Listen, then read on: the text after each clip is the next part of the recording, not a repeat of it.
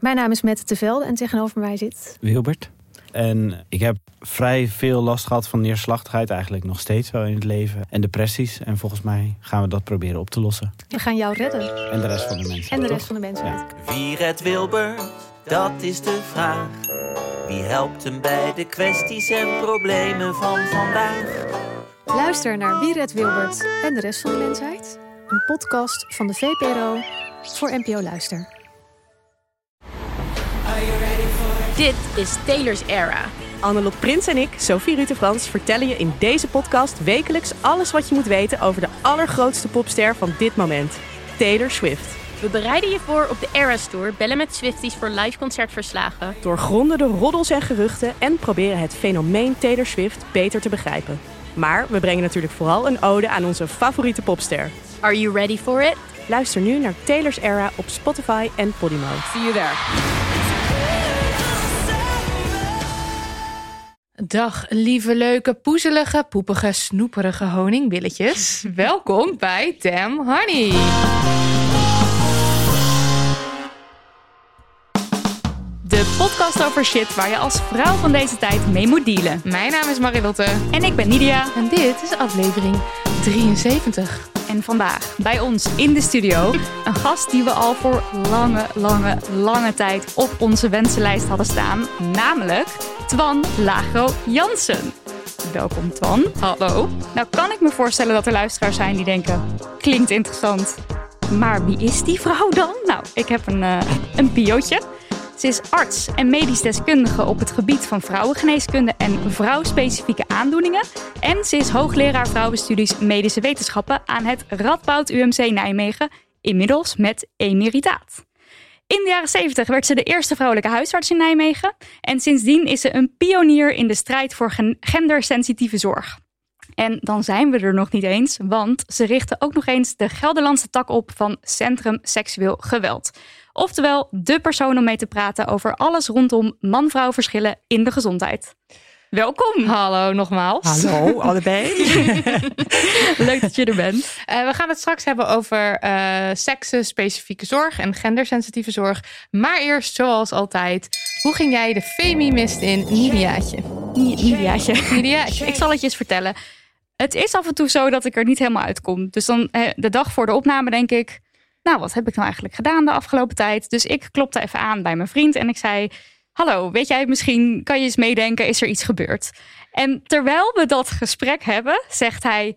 Wat zie je er sexy uit? En vervolgens ging ik vertellen aan hem dat ik er niet sexy uitzag. Want ik had mijn haar vast en ik had een soort oude badjas tot op mijn knieën. En, die bril, die eeuwige Mijn bril had ik al. Maar ik ging dus aan hem vertellen tijdens een gesprek over de feminist ingaan. dat ik er heus niet sexy uit kon zien. Want ik voldeed het niet aan de.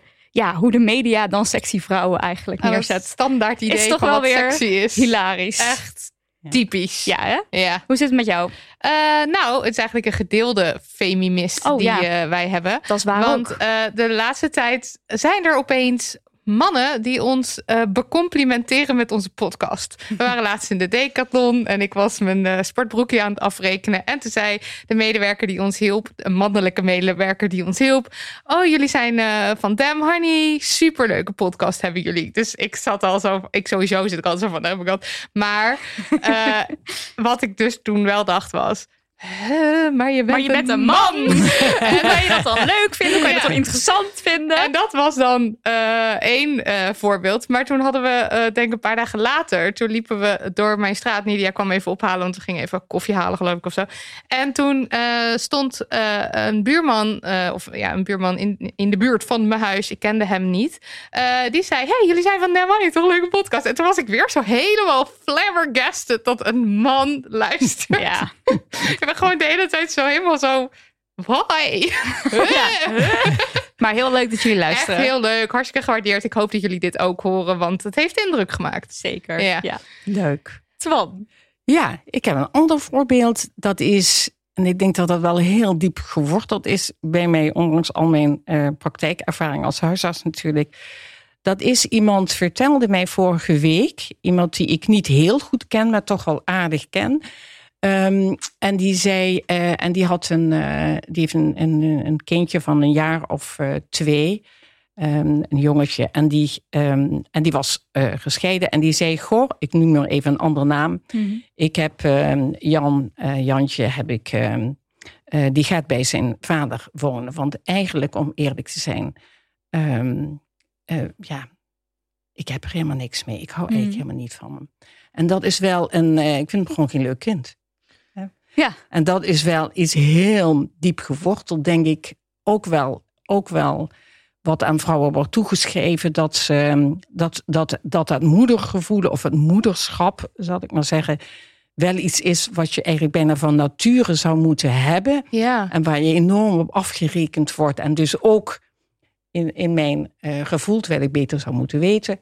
ehm, dat ik echt even dacht van, oh ja, ja, het hoe- kan. ja, Ja, het ja, kan dus ook. En nou ja, dat geeft ook aan dat we, ja, vind ik dan zelf, ik moet veel beter kijken naar wat het betekent en ja, wat het betekent. Ja, Ja. wel of niet moeder worden, dat vind ik keuzes die, eh, hè, dus dat, dat, dat is het punt niet. Maar als je een kind hebt, dat je dan, ehm, dat je het eigenlijk niet zo'n leuk kind vindt. En eigenlijk heel dapper heeft zij ervoor gezorgd dat er iemand is die het kind wel leuk vindt. Dus Ja. eigenlijk heel goed. ja. Maar ik moest toch even slikken. Ja, En ja. denk je dat het dan, stel het was een, eh, een vader geweest die dat had gezegd, was het gevoel Minder. anders geweest? Ja, het was minder geweest Ja, dan ook. dat het een moeder is. Ja, dat denk ik. beslist. Ik zit ook te Ja. denken dat ik Ja. dat misschien zou hebben. heel Ja. goed Ja. voorbeeld. Ja, En het is ook zo, het wordt toch ook altijd zo verteld van ja, maar als je dan als dat moederinstinct, dat is zo sterk, dat is zo, ja. ja, dat is, dat hoeft natuurlijk dat niet is bij soms iedereen niet zo zo. te zijn. Ja, nee, nee. En, en dat is natuurlijk wel een enorm taboe om dat, Ja, eh, om dat uit te spreken. Terwijl Ja. dat bij Ja. eh, mijn mannen veel minder is. Ik had hier Ja. laatst nog een Ja. korte documentaire over voorbij zien komen. Ik ga proberen hem te vinden in de show notes te zetten, maar ik kan niks beloven. Maar Ja. toen dacht Ja. ik ook al van, oh, dit is ook een onderwerp waar wel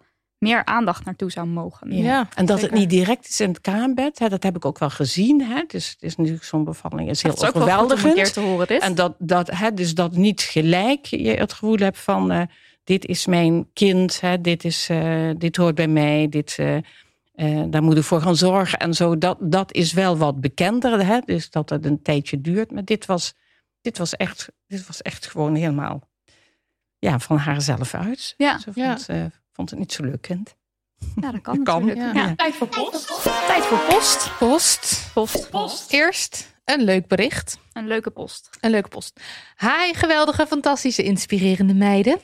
Eh, ik wil graag iets met jullie delen waar ik best wel trots op ben en wat me door jullie is gelukt. Ik liep eerder deze avond buiten met mijn vriend en ik werd gecatcalled.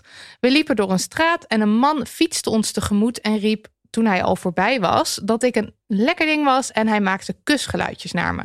Heel snel ging er door me heen. Godverdomme, nee, ik wil dit niet. Wat kan ik nu doen? Doorlopen, negeren, iets doen. En toen dacht ik, ik ga iets doen. Dit is mijn kans om alles wat ik gehoord en gelezen van Damn Honey heb in de praktijk te brengen. Dus ik ging stilstaan en draaide me om naar hem, keek hem aan en zei verder nog niks. De man in kwestie stopte met zijn fiets en brabbelde iets als: Ja, je kan wel zo naar me gaan kijken, maar het is gewoon een compliment hoor. Waarop ik riep, best wel hard, want er was een goede afstand tussen ons. Maar ik dacht, fuck it, iedereen mag, mag het horen. Doe gewoon niet. Het is geen compliment. Ik zit er niet op te wachten. Ik loop hier niet over straat om zogenaamde complimenten te krijgen. Stop ermee. Doe het gewoon niet. Yes. Heel goed. Oh, heerlijk. Tussendoor hoorde ik hem wat onverstaanbaars brabbelen, maar ik had mijn zegje gedaan, dus draaide ik me om en ik liep weer verder. Ik voelde me zo gefrustreerd en voelde me echt shaken, maar voelde me anderzijds ook trots op mezelf. Een dikke shout-out naar mijn fantastische vriend die mij lekker mijn zegje liet doen en vervolgens zei dat hij het fucking lauw vond wat ik allemaal zei en dat hij super trots op me was. Dus ja, kleine overwinning wel. Echt dankzij jullie dikke liefde. Liefst Annika. Zo leuk. Oh, maar vooral dat. eh, even kijken. Ik doe het gewoon niet. Het is geen compliment. Ik zit er niet op te wachten. Dit Ja. heb ik ook wel eens geroepen op straat. Omdat je gewoon alles wat je denkt. Wat, wat normaal dan je gezegd wordt. Laat je er gewoon uitgaan. Och, dat voelt zo heerlijk. Ik weet precies wat er door je heen ging, Annika. Oh, I love it. Mooi. Heel goed. Ja, ook mooi om te zeggen zelf dat ze zegt dat ze, dat je shakte daarna. Want als je dit soort dingen doet die, niet, die je niet gewend bent, dan Ja. voel je toch altijd een beetje trillerig. Krijg je Ja. toch wel zo'n adrenaline Ja. Kick. kick Ja. ervan, ja. Ah, lekker bezig. Oké, gaan we naar de brief. En de brief, ehm, dat gaat over seksueel grensoverschrijdend gedrag. Dus voor de luisteraar die dat niet wil horen, even een paar minuutjes verder skippen. Daar komt ie. Lieve dames van Damn Honey. Ik ben 22 jaar oud en ik ben verslaafd. Inmiddels ben ik bijna twee jaar clean van alcohol en drugs. Yay me! En heb ik mijn leven 180 graden gedraaid. Tijdens mijn gebruik had ik een lieve vriend. Een gewone vriend, niet boyfriend, met wie ik veel muziek maakte. Hij was wat ouder en vond mij leuk. Ik zag hem niet op die manier, maar als ik onder invloed was, zoende ik wel met hem. Dat was niet oké van mij, want zonder dat het mijn bedoeling was, speelde ik met zijn gevoelens. Tijdens mijn gebruik heb ik ook veel andere shit geflikt die echt niet oké is. Ik ben absoluut geen heilige. Na mijn kliniekopname kwam hij voor het eerst weer bij me op bezoek. En het gesprek ging een bepaalde kant op. Ik vroeg, en dan ga ik even hier een nepnaam zelf bedenken. Ik ga gewoon ook weer uh, Jan gebruiken, net als net. Ik vroeg, Jan, hebben wij ooit meer gedaan dan alleen zoenen? En zijn ogen werden groot van verbazing. Weet je dat niet meer? vroeg hij. Eerst dacht ik dat hij me liep te stangen, maar zijn gezicht stond ernstig. Met andere woorden, ik heb seks gehad zonder dat ik me er iets van kan herinneren. Ik barstte in huilen uit en hij probeerde me te troosten, maar ik wilde niet dat hij me nog aanraakte. Ik voelde me walgelijk en schaamde me. We hebben het er nog even over gehad en hij zei dat hij het erg vond dat ik me zo voelde. Hij zei sorry dat ik me zo voelde. Hij verontschuldigde zich niet voor het feit dat het gebeurd is. Hij zei: Ik had ook gedronken, ik was gewoon op zoek naar affectie en jij gaf mij die. En jij was op zoek naar steun en troost en dat gaf ik jou. En dat vind ik denk ik nog het ergste. Dat hij er zo simpel over dacht. Hij heeft twee weken voordat ik de kliniek inging en ik op mijn kwetsbaarst was, daar gebruik van gemaakt. Hij werkt notabene in de hulpverlening bij daklozenopvang, waar hij met veel verslaafden te maken heeft. Dan moet hij toch weten dat ik niet in staat was om een heldere keuze te maken? Ik heb hierna gezegd dat ik hem een tijdje niet wilde zien en het moest verwerken. Na een break van drie maanden nam ik weer contact op omdat ik onze vriendschap miste. Ik zei tegen mezelf dat het allemaal niet zo erg was. Het is Jan, die zou zoiets nooit met verkeerde bedoelingen doen. We hadden weer contact, maar het voelde niet zoals vroeger. Ik merkte dat ik om kleine dingen kut ging doen, tegen alles ging aantrappen en ik ergerde me aan de stomste dingen.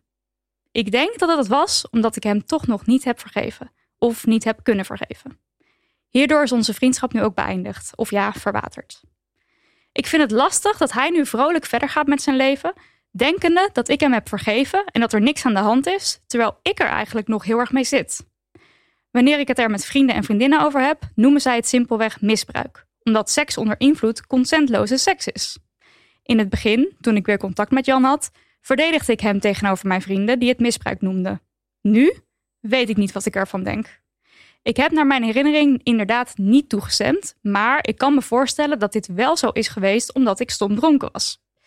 Ik vind het heel naar om überhaupt het woord misbruik in deze situatie te overwegen, want zo erg is het toch ook weer niet? Is het dat? Hoe zien jullie dit? Moet ik hier iets mee? Het is iets dat steeds vaker door mijn hoofd spookt en ik twijfel aan alles. Ik hoop dat jullie een antwoord voor me hebben en keep up the good work met jullie podcast. Liefs. Van een dappere brievenschrijver. Heel. Echt goed dat je dit zo hebt opgeschreven en zo duidelijk en op een rijtje en echt dapper.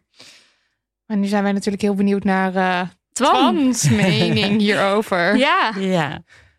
Nou, ik vind het zelf ook dus heel positief dat er niet gezwegen is. Dus dat zij um, dit naar jullie uh, schrijft, maar blijkbaar ook met vrienden en vriendinnen erover gehad heeft. En dat is denk ik een van de eerste stappen die je moet doen. Je hoeft het niet de hele wereld te vertellen, maar het is wel heel goed om het niet te maken tot iets van je eigen uh, geheim, zeg maar.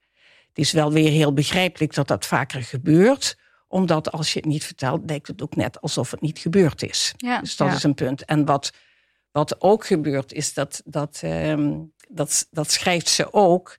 Dat is om het kleiner te maken. Och, het is ook allemaal zo erg uh, niet. Uh, uh, het, ik moet me niet aanstellen. Hè. Um, nou ja, ook bij, bij sommige opmerkingen kan dat zo zijn dat je denkt van nou, ik moet niet flauw doen. Je moet gewoon een grapje kunnen verdragen. Nou, dit is natuurlijk niet een, een grapje. Um, ik kom strakjes, als ik, als ik van jullie de tijd krijg, kom strakjes kom ik nog terug over wat het feitelijk is. Maar ik wil een paar dingen wil ik zeggen. Dus behalve dat het heel goed is dat ze niet zwijgt, dat je niet zwijgt, dat is al heel erg uh, belangrijk. Uh, en uh, ik hoorde um, jou zeggen dat, dat ze schrijft dat ze zich enorm schaamde. Dus die schaamte eigenlijk en die schuld, dat komt helemaal in dat verhaal naar voren. En wat ik wil zeggen is dat, is, dat heeft bijna ieder slachtoffer. Dus bijna iedereen, ook al wil zij niet zo graag als slachtoffer genoemd worden, dat willen ook heel veel ehm, eh, vrouwen en mannen niet. Maar die schuld en die schaamte is wel iets wat, wat, wat gebeurt. En als je dan nadenkt over ehm, eh, schaamte, dan is het wel vaak iets van wanneer je, je schaamt je ook wel als je, uh, als je eigenlijk ook de mindere voelt van een ander, zeg mm. maar. Dus je, je durft het niet te vertellen, omdat je dan denkt dat die ander je, ja, je schaamt ten opzichte van de ander. Maar het is ook wel dat je je schaamt ten opzichte van jezelf. En wat je ziet bij slachtoffers is dat ook dat zelfbeeld Um, van dat, hoe kan het nou dat mij dat is overkomen, dat dat ook uh, ja, soms in duigen valt, mm. zeg maar. Dus, dus ook heel belangrijk vind ik om te zeggen, dan meen ik ook echt, iedereen kan slachtoffer worden. Mm -hmm. als de context, als de omstandigheden er zijn, iedereen kan echt slachtoffer worden. En dat is al iets waardoor ik dan altijd hoop dat er minder schaamte is. En dan van uh, schuld. Um, slachtoffer heeft natuurlijk nooit schuld. Nou, dat speelt enorm. Uh, zij is een jong volwassene, 19 jaar. Maar voor kinderen is het echt heel belangrijk om te zeggen dat ze gewoon nooit schuldig zijn. Hoe dan mhm. ook, nooit.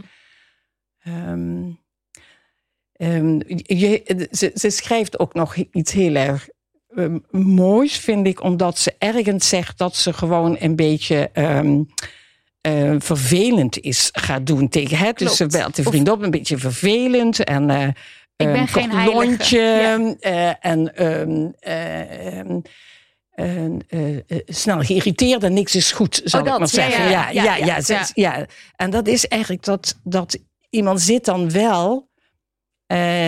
en dat maakt eigenlijk maakt, maakt de verdachte of de dader maakt niet meer uit die zit heel erg in een vechtmodus nog. En je hebt natuurlijk niet kunnen vechten. Om allerlei redenen. Zij heeft niet echt kunnen vechten, omdat ze gewoon. Uh, ze zegt: Ik was stom dronken. Nou, dan kan je dus echt helemaal niet vechten. Ook fysiek kan je dan niet vechten, maar ook mentaal kan je eigenlijk niet goed nee zeggen. Um, en, uh, en dat, dat is ook, er zit dan ook een zekere verbittering in, zeg maar. Dus wat dat betreft is de, de, Zit, zit, uh, zit ze dan in een stand, of zit, ja, ik moet zeggen, zit jij, om even naar jou te praten, zit jij in een stand die eigenlijk nog kwaadheid is en verbittering is en eigenlijk in een vechtstand, mm. terwijl de situatie op zich nu niet meer zo is. Want uh, je, je, zit nu niet meer in een situatie van dat, je, uh, dat een verkrachting plaatsvindt. Ja. Um, nou, dat, dat is denk ik, dat is wel heel erg belangrijk. En nou, nou, nou op, op het punt hè, wat, wat, um, wat je graag wil weten, dat is het punt van. Um, wat is dit nu? Is dit nu seksueel overschrijdend gedrag? Uh, is dit strafbaar? Ja, dit is strafbaar. Daar is gewoon geen discussie over. Of jij dat wil gaan doen, dat is een ander verhaal. Mm. Maar dit is strafbaar. Dus iemand die niet in staat is om toestemming te geven, zal ik maar zeggen, uh, omdat hij uh, stom dronken is, um, die is strafbaar. Even, dat is de wet. Ja. ja. Zoals ook iemand strafbaar is van twintig, die, uh, ook al wil dat meisje, een vrouw van veertien, um, zeg maar, verkracht of seks heeft, zelfs seks heeft, is dan mm -hmm. echt een strafbaar feit. Ja. Nou, haar uh, ambivalentie. Hè? Want uh, zal ik, wil ik het wel doen, wil ik het niet doen? Het was toch een lieve uh, jongen, dus al die excuses. Um, en ook het wat kleiner maken dan dat het is. Um, misschien gaat het wel niet over de definitie van wat er precies gebeurd is. Maar gaat het erom dat jij met dit wat, wat gebeurd is, verder kan? Ja. En uh, je zegt, ik, uh, ik, ik, ik, ik, hoorde jou zeggen, in geval in die brief, ik, ik maak het gewoon niet goed. Ik zit er, ik zit er mee. En ik denk dat, dat je nu gewoon alleen naar jezelf moet kijken. Uh, dit, dit is er gebeurd, of het is, er, of het is niet gebeurd. Ik, ik weet het niet. Um, wat heb ik nodig nu om weer om door te kunnen gaan? Hoe, hmm. kan ik me, hoe kan ik het hoe, hoe kan ik zelf uh, eh, weer sterk worden. Wat heb ik daarvoor nodig? Hoe kan ik mezelf toch ook wel vergeven? Mezelf vergeven. Het Mhm. gaat niet om de ander, mezelf vergeven. Eh, en hoe kan me iemand helpen om, om een beetje uit die tegenstrijdige gevoelens om daaruit te komen? Dus ik zou je echt, eh, ja, als je een goed advies ehm, mag geven, dan is dat. ehm, er zijn 16 centra voor seksueel geweld in Nederland. Er moet een, een centrum zijn dicht bij jou in de buurt. Er zitten mensen die, die, die een counselend gesprek met je aan kunnen gaan. Gewoon de tijd voor je nemen om te kijken waar zit de knoop, zodat je verder kunt. En is want centrum seksueel geweld is ook voor als je recent iets hebt meegemaakt. Het is toch? Of sowieso voor er- recent. Dus voor recent is echt de acute opvang. Nou, dat gun ik gewoon. Of dat wil ik gewoon. Dat echt iedereen bedenkt dat als acht dagen of korter... dat je dan eh, eh, eh, hulp krijgt. Die, eh, die- daar hoef je hulp krijgt op medisch gebied. Hè? Dus voor seksueel overdraagbare aandoeningen. Voor een eventuele zwangerschap. dat je ehm, vooral ook als je wil, niet als je het niet wil... Hè? want de hulp staat centraal... maar kan je ehm, een informatief gesprek krijgen met iemand van de zedenpolitie. Die Hm. komt ook naar het centrum toe. Die spreekt met je. Dat is nog niet aangifte doen. Dat is nog eh, eh, samen beslissen van wil ik, wil ik een aangifte doen of wil ik een, een melding doen. Aangifte betekent dan dat er een echt proces op gang komt. Dat ook de mensen om je heen worden eh, bevraagd om zo hard mogelijk bewijs te worden. Maar het belangrijkste is ook dat als je dat wil, dan kunnen de sporen afgenomen worden. Ja. Ja. En dan doet de politie, de forensisch arts eh, inschakelen. Die komt ook daar naartoe. Tenminste, zo is het in Nijmegen. En die, ehm, en die, die eh, luistert naar het verhaal en die neemt sporen af. Overal daar waar van belang is dat je DNA van de verdachte kan aantreffen. Dus dit is bijvoorbeeld ook ehm, de kleding die je aan had, die Ja. niet in de was gooien. Of, ja. Ja, ja, ja liefst, eh, eh, eigenlijk liefst, nou nu worden ook geen handen meer gegeven, dus dat, dat scheelt, is bijna normaal voor iedereen. Maar eigenlijk liefst ook niet plassen, liefst ook niet eten, liefst ook niet drinken. Maar als dat je wel gedaan hebt, geeft het allemaal niet, want Nee. iedereen wil zo snel mogelijk schoon. Maar het is wel belangrijk om kleren inderdaad te bewaren en naartoe eh, eh, te gaan. En gewoon de zorg te krijgen waar je behoefte aan hebt. Ja. En daar wordt dan ook gekeken of je bijvoorbeeld eh, ehm, voor ter preventie van, of om, om eh, geslachtsziekten te voorkomen. Dus Hm. bijvoorbeeld om HIV te voorkomen, Ja. dat je medicatie kan krijgen. Ja. Die eh, medicatie voor HIV bijvoorbeeld, dat, is, dat kan binnen 72 uur. dus op snel zich is het gewoon heel fijn om, ehm, om, op die, om even te klikken op die site en te kijken en gewoon aan je vriendinnen en je vrienden ook te vertellen van als je zoiets gebeurt, ga er gewoon naartoe. Ja. Maar ook voor daarna, zoals eh, degene die jullie de brief heeft geschreven, ook voor daarna is daar hulp. Kan je er Eh, kan er altijd terecht. Ja, ja, ja, Ja. Dan, ga, dan ga je er niet naartoe. Dat is bijna allemaal eh Telefonisch. hulp. Ja. Ja, oké. oké. Ja. En dan kan je daar met iemand praten en Ja, misschien ja. een, samen tot Ja. een volgende stap komen. Ja, ja, van, en die, dat con- is ja, die consultatie. en ja. anoniem. Ja, Ja. gratis, anoniem. Die consultatieadvies heb ik echt jaren gedaan. Hm. Ehm, eh, en ik wilde net nog iets zeggen. Oh ja, maar het centrum is 24-7 open. Dus Oh ja. alle dagen, Oh ja. nacht van de week voor iedereen. altijd Jong en oud. Mannen, mannen en vrouwen. Ja. ja. Goed. Goed advies. Ja, en dat nummer, ik zal het nog een keer zeggen, ik heb het vaker hier gezegd, dat is 0800 0188. En dat zet dat toch in je telefoon, dat hebben we ook al vaker gezegd. Ja. Ja. Kan je niet vaak genoeg zeggen. Eén dingetje nog over dat sorry zeggen. Omdat dat Oh eigenlijk ook wel weer... Ik weet niet, jullie moeten eens kijken naar alle mensen op de tv... om, om wat voor ze ook verkeerd hebben gedaan. Hoe ze sorry zeggen. En er zijn een heleboel manieren van sorry te zeggen. En ik zie hier ook... Hij, hij zegt dus, de verdachte, hij zegt... ehm, ja, het spijt me heel erg als ik jou pijn heb gedaan. Ja, het vervelend dat je zo, sorry Ja, dat jij je zo voelt. Ja, Ja. dat- of dat jij dat zo voelt. Ja, maar dat is het niet. Nee. Het spijt me. Ik ben fout geweest. Ja. Gewoon, ik ben fout geweest. Ik heb dat niet gezien. Misschien had ik het ook niet kunnen zien omdat ik ook stonk was. Dat weet ik niet meer. Ik heb het niet gezien. Wat kan ik doen om het goed te maken? Ja. Dat, er, moet zou... ook iets, er moet ook iets volgen, Ja. vind ik. Hè?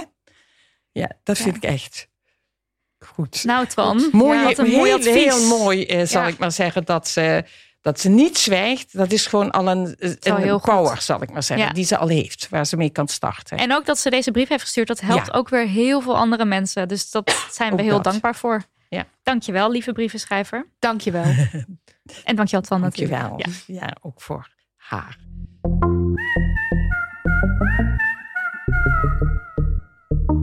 Sponsortijd. Ja, want deze aflevering wordt hartstikke mogelijk gemaakt door Nextory. Nextory. Even voor de duidelijkheid, dat is N-E-X-T-O-R-Y. En het is een Zweedse streaming service voor audio en e-books. Je vindt meer dan 300.000 boeken in de app, zowel e-books als luisterboeken. Wij kregen regelmatig de vraag: hebben jullie boekentips? En natuurlijk hebben wij boekentips. Uiteraard. En voor Next Story selecteerden we een lijstje met onze favoriete boeken, die je via de app kunt lezen of luisteren. En ik begreep dat jij, Marilotje, al aan de luisterbuis gekluisterd bent door een van mijn tips op die lijst. Ja, dat klopt. Ik heb de app gedownload. Ik zag De Heks van Limericht van Suzanne Smit staan. Uh, en ik, ben, ik heb het boek ook dus liggen naast mijn bed. En ik ben al zes keer begonnen. Maar deze meid heeft de aandachtspannen van een pasgeboren garnaal. Dus uh, ik kan, kwam er gewoon de hele tijd niet in. En uh, een luisterboek is dan zo de uitkomst. Want je zet hem aan en dan ga je gewoon... Nee, het is net als met een podcast. Je kent het wel. En dan ga je ook zo extra lange wandelingen maken. En extra langzaam de afwasmachine uitruimen. Omdat je gewoon helemaal in het verhaal zit. Nou, dit boek duurt ook 11 uur of zo. Dus ik heb genoeg uh, tijd. Genoeg tijd om er echt diep in te gaan. Precies. Maar ik zit, ik zit er helemaal in. Ik, ik waan me inmiddels vrijgevochten hoofdpersoon en geluid. Uh, dat is een hoofdpersoon die wordt beschuldigd van hek zijn door, hoe kan het ook anders, mannen. en uh, sowieso ben ik wel erg, um, nou ja, ik wil niet zeggen gefascineerd, maar wel erg geïnteresseerd in heksenvervolgingen. Uh, want het is zo'n groot deel van de geschiedenis. Het is ook een, een deel van mijn geschiedenis eigenlijk. Want het is zo'n. Het is zo'n narigheid waar volgens mij best wel heel of lacherig over wordt gedaan, of we weten er niet genoeg over. Want het gaat hier over door heel Europa heksenvervolgingen. Er zijn 30.000 tot 60.000 mensen, waarvan 80% vrouw, uh, vermoord. Omdat ze beschuldigd werden van het zijn van een heks. Ja.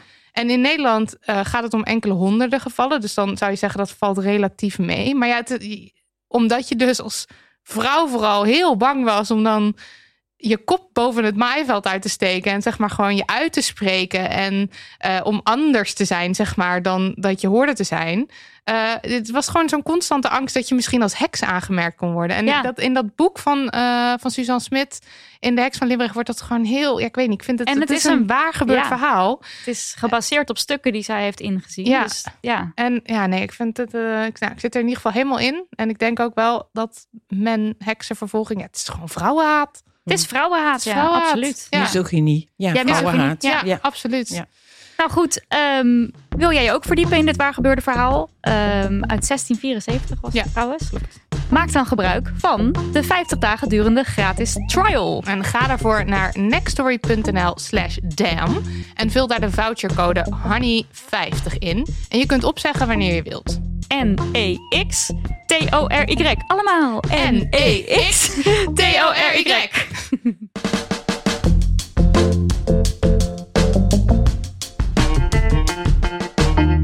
We moeten het even hebben over man-vrouw verschillen in de zorg. Want de medische wereld heeft er van oudsher een handje van om vrouwenlijven te zien als een klein mannenlijf, wat niet klopt. En ik heb al eens geprobeerd om me hierover uit te spreken of, toen, of iets over te zeggen. En toen zei ik dingen als auto-immuunsystemen. En dat klopt helemaal niet, want in niet in de minste plaats omdat auto-immuunsystemen helemaal niet bestaan. Uh, en omdat we het onderwerp man-vrouw verschillen in de zorg wel heel belangrijk vinden, maar ik niet meer verkeerde dingen wil zeggen, hebben we hier Twan. Zodat je zo van, als ik dan weer iets zeg, dat jij dan kan doen van eh, en dan het kan verbeteren. Dat klopt niet. Als we teruggaan in de geschiedenis, Twan, hoe werd er dan uh, naar man-vrouw verschillen gekeken in de zorg of in de gezondheid? Zullen we maar, um, ja, hoe lang wil je teruggaan naar de geschiedenis? Want het is heel lang, denk ik, um, nauwelijks een punt geweest. Uh, nauwelijks een punt van aandacht. Hm. Um, uh, en ik denk dat het leuk is om te beginnen gewoon bij de eerste feministische golf. Hè? Jullie Altijd zijn feministen. Leuk om daarmee te beginnen, ja. Love it. Dus dat, nou, dat, dat, dat weten jullie uh, vast allemaal. En dan ga ik ook gelijk de gezondheidszorg in. Um, uh, want behalve voor het vrouwenkiesrecht, hè, wat dus in zeg maar 1919 is gekomen, heb ik het even over Alette Jacobs als Mhm. eerste vrouwelijke arts. Mm-hmm. Was echt heel erg betrokken bij het vrouwenkiesrecht. Maar toen ook al, en ik denk eigenlijk in de andere landen ook, maar dat weet ik niet precies was toen ook al bij haar, want zij was ook de eerste vrouwelijke arts, stond, uh, de, stonden de aandoeningen of de kwetsuren zeg maar, van, vrouwen, uh, van het vrouwenlijf van vrouwen stonden echt uh, bovenaan. Vooral de armoede. En dat is wel een mooi punt om door te trekken naar nu. Want nu weten we ook veel beter en veel meer dat überhaupt armoede ook echt heel schadelijk is voor de gezondheid van mensen, mannen en vrouwen. Maar goed. Zij zag de armoede, ze zag de armoede vooral door de grote gezinnen. En zij was eigenlijk toen ook al degene die zich echt heeft uh, bezighouden met um, uh, nou ja, slechte arbeidsomstandigheden, de, de, de, de, vrouwen en de dood in het kraambed, hè, wat toen mm -hmm. nog heel veel gebeurde. Ehm, ze heeft, dat is leuk, ze heeft het passarium occlusivum, dus het passarium, wat la, ik heb het passarium nog in de praktijk echt aangemeten. Dat is nu overigens ook niet meer, want dat was toen nog van de NVSH. Maar zij heeft dat passarium occlusivum, dus dat is zeg maar een, een, uh, iets van rubber wat rond is, wat je in de schede brengt en wat dus eigenlijk de baarmoedermond afsluit, waardoor je dus uh, uh, de zaadcellen er niet door of langs heen kunnen. Het was niet zo heel erg betrouwbaar, moet ik zeggen. Mm -hmm. Ook een meng tijd wisten vrouwen dat ook, maar het was wel een natuurlijke manier. Mm -hmm. hè? Dus vrouwen die inderdaad geen pil wilden of geen spiraal wilden of niks anders. Daar is dat passarium, zeg maar, nog altijd een manier, mits, mits je het goed kan toepassen en nou ja, met allerlei uh, zaken ermee. Maar goed, mijn Mits punt was, haren, ja. Ja. toen was um, die, vrouwen, die gezondheid van vrouwen was eigenlijk ook echt wel een punt van uh, aandacht. Dan krijg je de uh, tweede feministische golf. En toen is het eigenlijk allemaal wel heel erg sterk op de voorgrond uh, gekomen. Um, nou ja, zeg maar eind van de jaren 60, hè, dus zeg 68, 69. Um, en dat zijn ook de zaken waar ik zelf ik betrokken ben geraakt. Had je man-vrouw maatschappij. Ja. Ik weet niet precies wanneer het is opgericht, maar het zal wel ergens in 69 zijn, omdat ik omdat ik weet dat ik in Nijmegen naar de eerste vergadering van Man-Vrouw Maatschappij, dat ik daar ben uh, geweest. Hedy Dancona is echt een topper, is ze nog altijd. Was toen echt degene die uh, enorm veel heeft uh, gedaan voor de emancipatie van vrouwen, ook voor vrouwengezondheid. Um, bijvoorbeeld opzij is dan van 71, om dat te zeggen. En wat er dan ontstaat in die periode, is um, allemaal groepen van vrouwen die um, uh, die, die, die, die kritiek hebben op de geneeskunde zoals die dan wordt uitgevoerd. Het zijn wel echt vrouwen, vrouwen, vrouwenaandoeningen. Mm -hmm. Dus um, je moet denken aan vrouwen in de overgang. Je moet denken aan, er waren vrouwen die uh, klaagden over te veel gebruik van benzodiazepines. Hè, dus kalmerende middelen die, die werden voorgeschreven. Oh, ja. Oh, ja. Lijf van mijn huislijf uh, komt natuurlijk. het baas een eigen buik. dus rondom dat borst. Allemaal onderwerpen die overigens nog altijd eigenlijk heel actueel zijn. En dat waren zwartboeken, zo noemden wij dat ook. Dat waren zwartboeken van vrouwen. Uh, dat waren dus met een felle kritiek op eigenlijk het seksisme in de geneeskunde. Mm, ja. um, van, van twee um, disciplines het meest. Dus voor de gynaecologie omdat men vond dat uh, de gynaecoloog en ook, van de, uh, ook de bevallingen, dat die eigenlijk alles medicaliseerde. Dus, van, dus hij, hij, ook weer iets wat een heel actueel iets is nu. Dus die, um, eigenlijk was de zwangerschap en de bevalling was geen um, natuurlijk gebeuren. Waar wel risico's zijn, waar ook klachten kunnen optreden. Um, maar het wordt, werd tot een ziekte gemaakt. Zeg ja. maar. Hetzelfde natuurlijk ook wel met de overgang gebeurde later. Dat was de gynaecologie en uh, de psychiatrie. En de psychiatrie ging helemaal over de stigmatisering. Moet jullie denken aan, ooit misschien van gehoord, uh, van uh, er waren nog echte instituten. Het is wel veel veranderd toen ook. Hè, dus waar mensen chronisch psychiatrische patiënten werden opgesloten. Ja. Een medicatie kwam later. Maar het ging vooral tegenover, tegen de stigmatisering van de psychiatrische patiënt. Um, ik denk dat dat hele goede zaken geweest zijn om in elk geval verandering, uh, ja, verandering teweeg te brengen, in die, uh, ook in die tweede feministische uh, golf. En toen is het een stuk eventjes weer wat rustiger geweest. Um, um, terwijl Hedy Dancona er nog altijd was, zal ik maar zeggen. Maar nog altijd is. dus ook in dat, hè, dus kabinet een uil en nog altijd is. Ehm, eh, maar toen is er weer een opleving gekomen. Want je moet ook bedenken dat er toen ook binnen de, binnen de, de gangbare eh, instituties, in de GGZ, maar ook in de huisartsgeneeskunde, was bijvoorbeeld Aletta is opgericht in Utrecht. Dus ook inmiddels, ja, heeft het, is wel, wel, bestaat nu niet meer, maar in de GGZ had je ehm, de maan. Je had inderdaad echt binnen de, je had binnen de professionals gingen zich interesseren voor datgene, waren vaak de vrouwen, vrouwelijke professionals, vrouwelijke artsen, vrouwelijke psychologen. Die kwamen ook Dus die meer gingen- natuurlijk. Ja, die gingen zich daarvoor interesseren, die herkenden het, die vonden het terecht en die, heb- en die wilden ook inderdaad ehm, bijvoorbeeld onderbouwing hebben van bepaalde zaken Oh ja. die zij op hun gevoel vonden, of intuïtie vonden, of uit ervaring. Hè? Vergeet de ervaring niet van professionals en ook van de vrouwen zelf. Ehm, vonden dat ook wetenschappelijk onderbouwen kon krijgen. Ja. Dus het was eigenlijk, het was eigenlijk zeg maar, eh, de, het, het seksisme tegenover dat seksisme van in de geneeskunde stelden de vrouwen eigenlijk toch de persoonlijke ervaring. En dan komt in, in, in 90, komt eigenlijk 92, ik weet niet precies, maar Els Borst heeft eigenlijk eh, vervolgens ook weer zaken opgepakt door eh, dat er toen een via Zon MW, dus via, het gaat altijd via VWS, dus maar echt op ministerieniveau, is er toen eh, eh, geld gekomen ook voor onderzoek te, na- te doen of te faciliteren rondom initiatieven die leefden, zeg maar, rondom eh, vrouwengezondheidszorg. Dat, dat is eigenlijk in, in een, ja, dit is eigenlijk een In een notendop- notendop Ja, een beetje hoe dat gegaan verhaal is. en ook ja, een vogelvlucht. En ook dat je ziet de bepaalde punten, daar zijn verbeteringen, maar die spelen nog altijd. Sommige ja. dingen spelen echt nog altijd. Zeg Dus we maar. hebben stappen gemaakt, maar we zijn er nog niet. Zo is het. Ja, ja. En hoe ben jij zelf dan zo specifiek zo geïnteresseerd geraakt in dit onderwerp?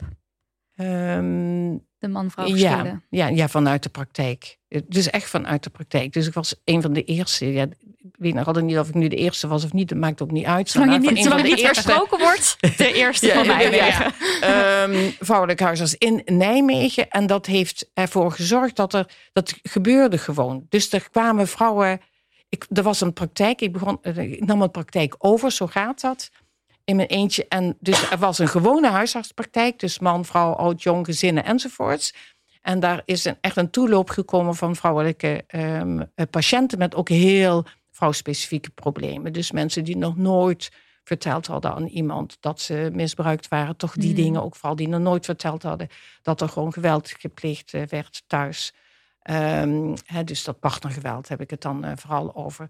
Die ook nog nooit gepraat hadden over ehm, eh, inderdaad eh, intieme, zeg maar alles onder de gordel. Dus Mhm. ook alles onder de gordel is me Mm. gaan interesseren. Ehm, schaamtevolle aandoeningen als eh, urineverlies bijvoorbeeld. Hè, dat is mijn promotieonderzoek toen geweest, studie geweest. Dus dat is één ding. Nou kan je zeggen van, ehm, ja, dat hebben natuurlijk andere mensen ook gehad. En het viel ook wel in een bodem, zal ik maar zeggen, van... ehm, dat ik daar ook wel heel gevoelig voor was. Want ik zei al dat ik naar man-vrouw maatschappij Ja. ben gegaan. En dat heeft denk ik te maken met... ehm, ik ben eigenlijk bijna een, eh, een tienermoeder, zeg maar. Dus ik heb heel vroeg heb ik, eh, kinderen gekregen in, eh, al, al tijdens mijn studie, nog eh, tijdens mijn tweede jaar. eh, waardoor, ehm, en heb ik dus ook alle, alle stereotypen eh, meegemaakt van, ehm, eh, van, dus even rondom studies van een studieadviseur die zei, ja, mijn vrouw wordt in de zwangerschap zo anders, waarom zou je niet stoppen? Terwijl ik daar was natuurlijk om te kijken van hoe zal ik dat allemaal kunnen gaan combineren met elkaar. Ehm, maar goed, eh, dus, eh, en er was toen nog helemaal niks, hè? dus er waren geen crashes, hè? moet je je ook voorstellen. Dat Dus, ook eh, eh, iets waar de ja. Dolomina's natuurlijk voor ja, gestreden ja, hebben. ja, Ja. Dolomina's, ja zeker. Ja, ja. Dus, dus het En viel, ik- het en ik viel ho- allemaal daarin. Ja. En ik hoorde dat, dat mensen tegen je zeiden: nee, we hebben geen behoefte aan een vrouwelijke dat. huisarts. Ja, ja, ook dat. Ja, dus dat was al. Dus ja, dat, dus wij hebben ons moeten eh, als stel toen, hè, eh, overigens, zo, zo, we zaten vo- volledig niet in zak en as. Hè. Het is ook echt zo. Ik probeer altijd terug te denken, hoe was het dan nou? Maar goed, ik kwam uit een dorp en in het dorp kregen vrouwen gewoon ook kinderen. En de, eh, was toch een soort romantisch idee van eh mazzel mee gehad, moet ik zeggen. En ja, echt geluk mee gehad van. eh, dit is hem, zal ik maar zeggen. Hè? Dit Ja. is, De, ja, de ware liefde. de- ja, precies. Er was nog heel weinig. Ik weet dat, het, dat er toen een eh, congres was. En waar ik op, eh, met mijn drie vriendinnen op de laatste klas van de middelbare school hebben we gekampeerd ergens aan zee, wat voor mij ook al heel bijzonder was, kamperen. Eh, en toen hadden we dat boek, Optimale Nataliteit heette dat. Dus het ging al over de, ge de ge geboorte, het ging al over de pil, zeg maar. En dat ik toen eigenlijk ook al wist van, oh, dat ik dat zeker zou gaan gebruiken, zal ik maar zeggen, als ik, uh, als ik vond dat ik daar aan toe was. Um, uh, nou ja, dat was dus net iets te laat om te gaan gebruiken voor, de, voor, de, eerste. Maar um, um, dus het was een, uh, een ja, het was, een, het was, het was, het was geen, uh, geen zware tijd, zal ik maar. Ik was vastbesloten en wij waren vastbesloten van, we, hij studeert ook, Bert, dus mijn echtgenoot. Die, die studeerde ook geneeskunde, was, zoals het meestal is, was net een beetje ouder. En we hebben uh, gezorgd. Ik kon niet part-time. En dat is ook wel een hele belangrijke boodschap. Want ik wilde dus mijn kooschappen. Kijk, dat studeren, dat ging allemaal makkelijk. Maar dan moet je dus twee of tweeënhalf jaar moet je de kliniek in om de praktijk te leren. Een hele belangrijke periode. En die, had, die wilde ik eigenlijk uh, part-time, dus halftijds wilde ik die doen. En ik ben zo blij. Overigens werd ik daar niet in gefaciliteerd. Ik ben dus zo blij dat ik niet gefaciliteerd ben, ben dus dat ik dat hele dagen moest doen. Dat kon niet veranderd worden. Mm. En dat wij dus noodgedwongen hebben moeten kijken, oké, okay, dan uh, doe jij een stuk. Oh, zo. En dan blijf ik thuis. gedwongen ja. om dat ja. zo op te ja. pakken. Ja, dat eenmaal wil, wil zeggen, dat is, dat is wel iets voor... Um, ja, nu zijn er crashes, dus nu kun je gewoon... Dat was er toen niet. Nee. Dan kan je uh, echt, ik kan me daar niks bij voorstellen dat dat ja. nog niet bestond. Nee, Nee. want, Want hoeveel invloed dat wel niet heeft op. eh, ja, want jij bent dus eigenlijk een soort uitzondering geweest dat jullie eh, eh, heel Ja, dat eerlijk ja, ja, eh, ja, de zorg ja. en het huishouden Ja, hebben verdeeld, omdat ja. jij eh, fulltime moest werken en Ja. hij ook. Ja. En toen zijn Ja. jullie samen een praktijk begonnen. Ja, nou ja, ik zat er eer, ja, ik heb er eerder gezeten, maar hij staat er bij mij in de Oh ja. praktijk gekomen. Ja. Dus, hè, ja, dat zijn we allemaal andere.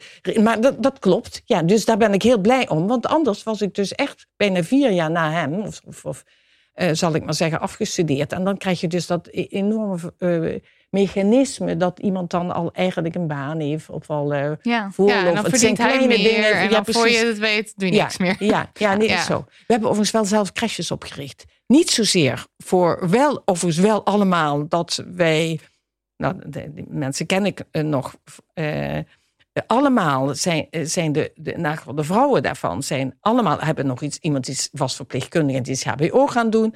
En iemand is apart nog, die was heel handig, maar ja, die is iets kunstzinnigs eh, gaan doen, gaan volgen. Ehm, eh, dus mensen hebben wel allemaal voor zichzelf eh, hun eh, beroep eh, eh, verdiept door opleidingen te volgen. Maar wij deden het. Dat is echt zo voor onze kinderen. Omdat we dus echt toen dachten dat zo twee mensen en alleen een kind. Of, of het nou twee kinderen zijn, dat vonden wij echt heel erg beperkt. We vonden echt dat kinderen met meer Dat sociale ook. Mm. Ja. Absoluut, ja. Ja. Meer in aanraking zouden moeten komen. En dat was ook... eh, ehm, ja, dus dat was... ja, zeg maar, de, de anti-autoritaire eh crashes waren dat. Wij waren de tweede groep. De eerste groep bestond al. Er zijn onze twee kinderen zijn erop geweest. En dat is, eh, er zijn later films gemaakt van die anti-autoritaire crashes. Maar ik denk dat er ook heel veel soorten anti-autoritaire crashes waren. Het was wel het was heel belangrijk dat kinderen samen dingen deden. eh, eh, en ehm, ehm, zorg voor elkaar hadden. En conflicten zelf moesten oplossen. En nou, staat er nog altijd heel erg. Ja, dat er eh, vrij werd gepraat. We hebben heel veel gepraat over seks, seksualiteit van kinderen. Ehm, en wat je dan eh, moest. ehm, eh, ja, wat, wat een normale seksuele ontwikkeling was. En eh, daar lazen we ook boeken over. Want we waren gewoon een groep ouders die. Het lijkt soms echt alsof we terug in de tijd zijn gegaan. Ja. Als ik dan dit hoor. ja, Qua hoe ja. er dan nu gekeken wordt naar Ja. kinderen en seks. En hoe dat, Dat- allemaal... ja, En ja, dat is kan echt, hebben en zo. Ja, dat is echt zeker zo. Ja. En wat in Nederland ik echt vind dat allemaal niet verandert, dat is dat men een crash eigenlijk een tweede soort opvoeding vindt. Dus dat men echt denkt dat of de partner of de familie, en vooral oma, opa, ja. dat die veel beter zijn, want het is lekker knus en bij elkaar, Dan de dan datgene wat kinderen opsteken met andere kinderen en ook echt door eh, dat er ook, ja, er zitten professionals ook. Ja. Ja, Hoeveel In- wat waard is. Ja, Ja. in Zweden vindt men dat allemaal eh, echt gewoon. eh er vindt men het een tekort als een kind niet naar een crash kan gaan. Dus wel een beetje dat moederschapsideaal, toch Ja, ook. Ja. wil Het ik toch ook een dat- beetje ja. aan morrelen. Ja, dat je, het is Ja. niet oké om je kind naar de crash. Ja. Ja. Is hartstikke wel oké. Waarom is het nou eigenlijk zo belangrijk om, om op die verschillen te zitten? Om daar kennis over te hebben? Ja, omdat je anders echt zowel mannen als vrouwen tekort doet in zorg. Dus het gaat echt om kwaliteit van zorg en om niets anders. Dus wat je, en dat willen ook alle studenten, het willen ook alle dokters. In principe, is- ik weet niet of ze het allemaal op deze manier willen, maar in principe wil iedereen hè, op, op, op, een paar rotte appels na, iedereen wil gewoon een goede dokter zijn. ja. En ik denk dat, eh, het, dat je, als je niet weet dat die verschillen er zijn, hè, verschillen in voorkomen van ziektes, dat weten mensen misschien nog wel, maar verschillen in presentatie weet, weet men vaak niet, verschillen in risicofactoren weet men vaak niet. Maar als je dat wel weet, dan kan je gewoon betere medische of psychosociale zorg eh, eh, verlenen. Dan maak je geen maak je dan geen fouten door een diagnose die gewoon heel levensreddend kan zijn door Mhm. die te missen. Dus het is wel echt, eh, echt voor de kwaliteit van zorg. Dat is één punt. En het andere punt is, dat is wel alle mensen die ik heb opgeleid, die vinden het ook een enorme verdieping van hun eigen vak. Ja, Dat vind ik zelf ook. Ja. Het is echt gewoon ontzettend interessant om, ehm, ja, om ook wat breder in te zetten als iemand eh, met een klacht bij je komt, zal ik maar zeggen. En dat je dan ook ja, kennis hebt hebt. in je, in Ja. je rugzak, die, je, die niet voor iedereen geldt. Hè? Ik bedoel, alle vrouwen zijn niet hetzelfde, alle man- mannen zijn niet hetzelfde. Ook niet in mannelijkheid of in vrouwelijkheid. Maar waar je wel kunt, iets kunt benoemen en kan zeggen, ik, ik eh, weet dat uit ervaring, of voor mij wat zeg je, ik weet het uit de boeken. En geldt dat ook voor jou, zodat je iemand een woord kan geven of een begrip kan geven voor datgene wat, eh, Ja. wat iemand overkomt. Hè? En, en waarin zitten die verschillen? Als je, als je het hebt Ja. over verschillen tussen mannen Mannen en vrouwen. Ehm, ja, die, die eigenlijk denk ik zelf overal. Dus als je kijkt naar seksen, hè, de seksen, dat is het biologische, is ons lichaam met eh, alles hoe we, eh, hè, met ons genetisch patroon, zeg maar, en met eh, de chromosomen die verschillend zijn tussen mannen en vrouwen. Ehm, eh, en met de hormonalen natuurlijk, aan de ges- geslachtsorganen. Maar alles, iedere cel in ons lichaam heeft een sekse. Snap je? Want die hebben allemaal, hebben die inderdaad iets meegekregen, alle cellen, van dat X of van dat Y, waar ooit die zaadcel en die eicel met elkaar versmelten. Dat is het sekse. En dan het gender is als je gewoon zelf al kijkt of je bevraagt ehm, je tante of je moeder eh, in je omgeving.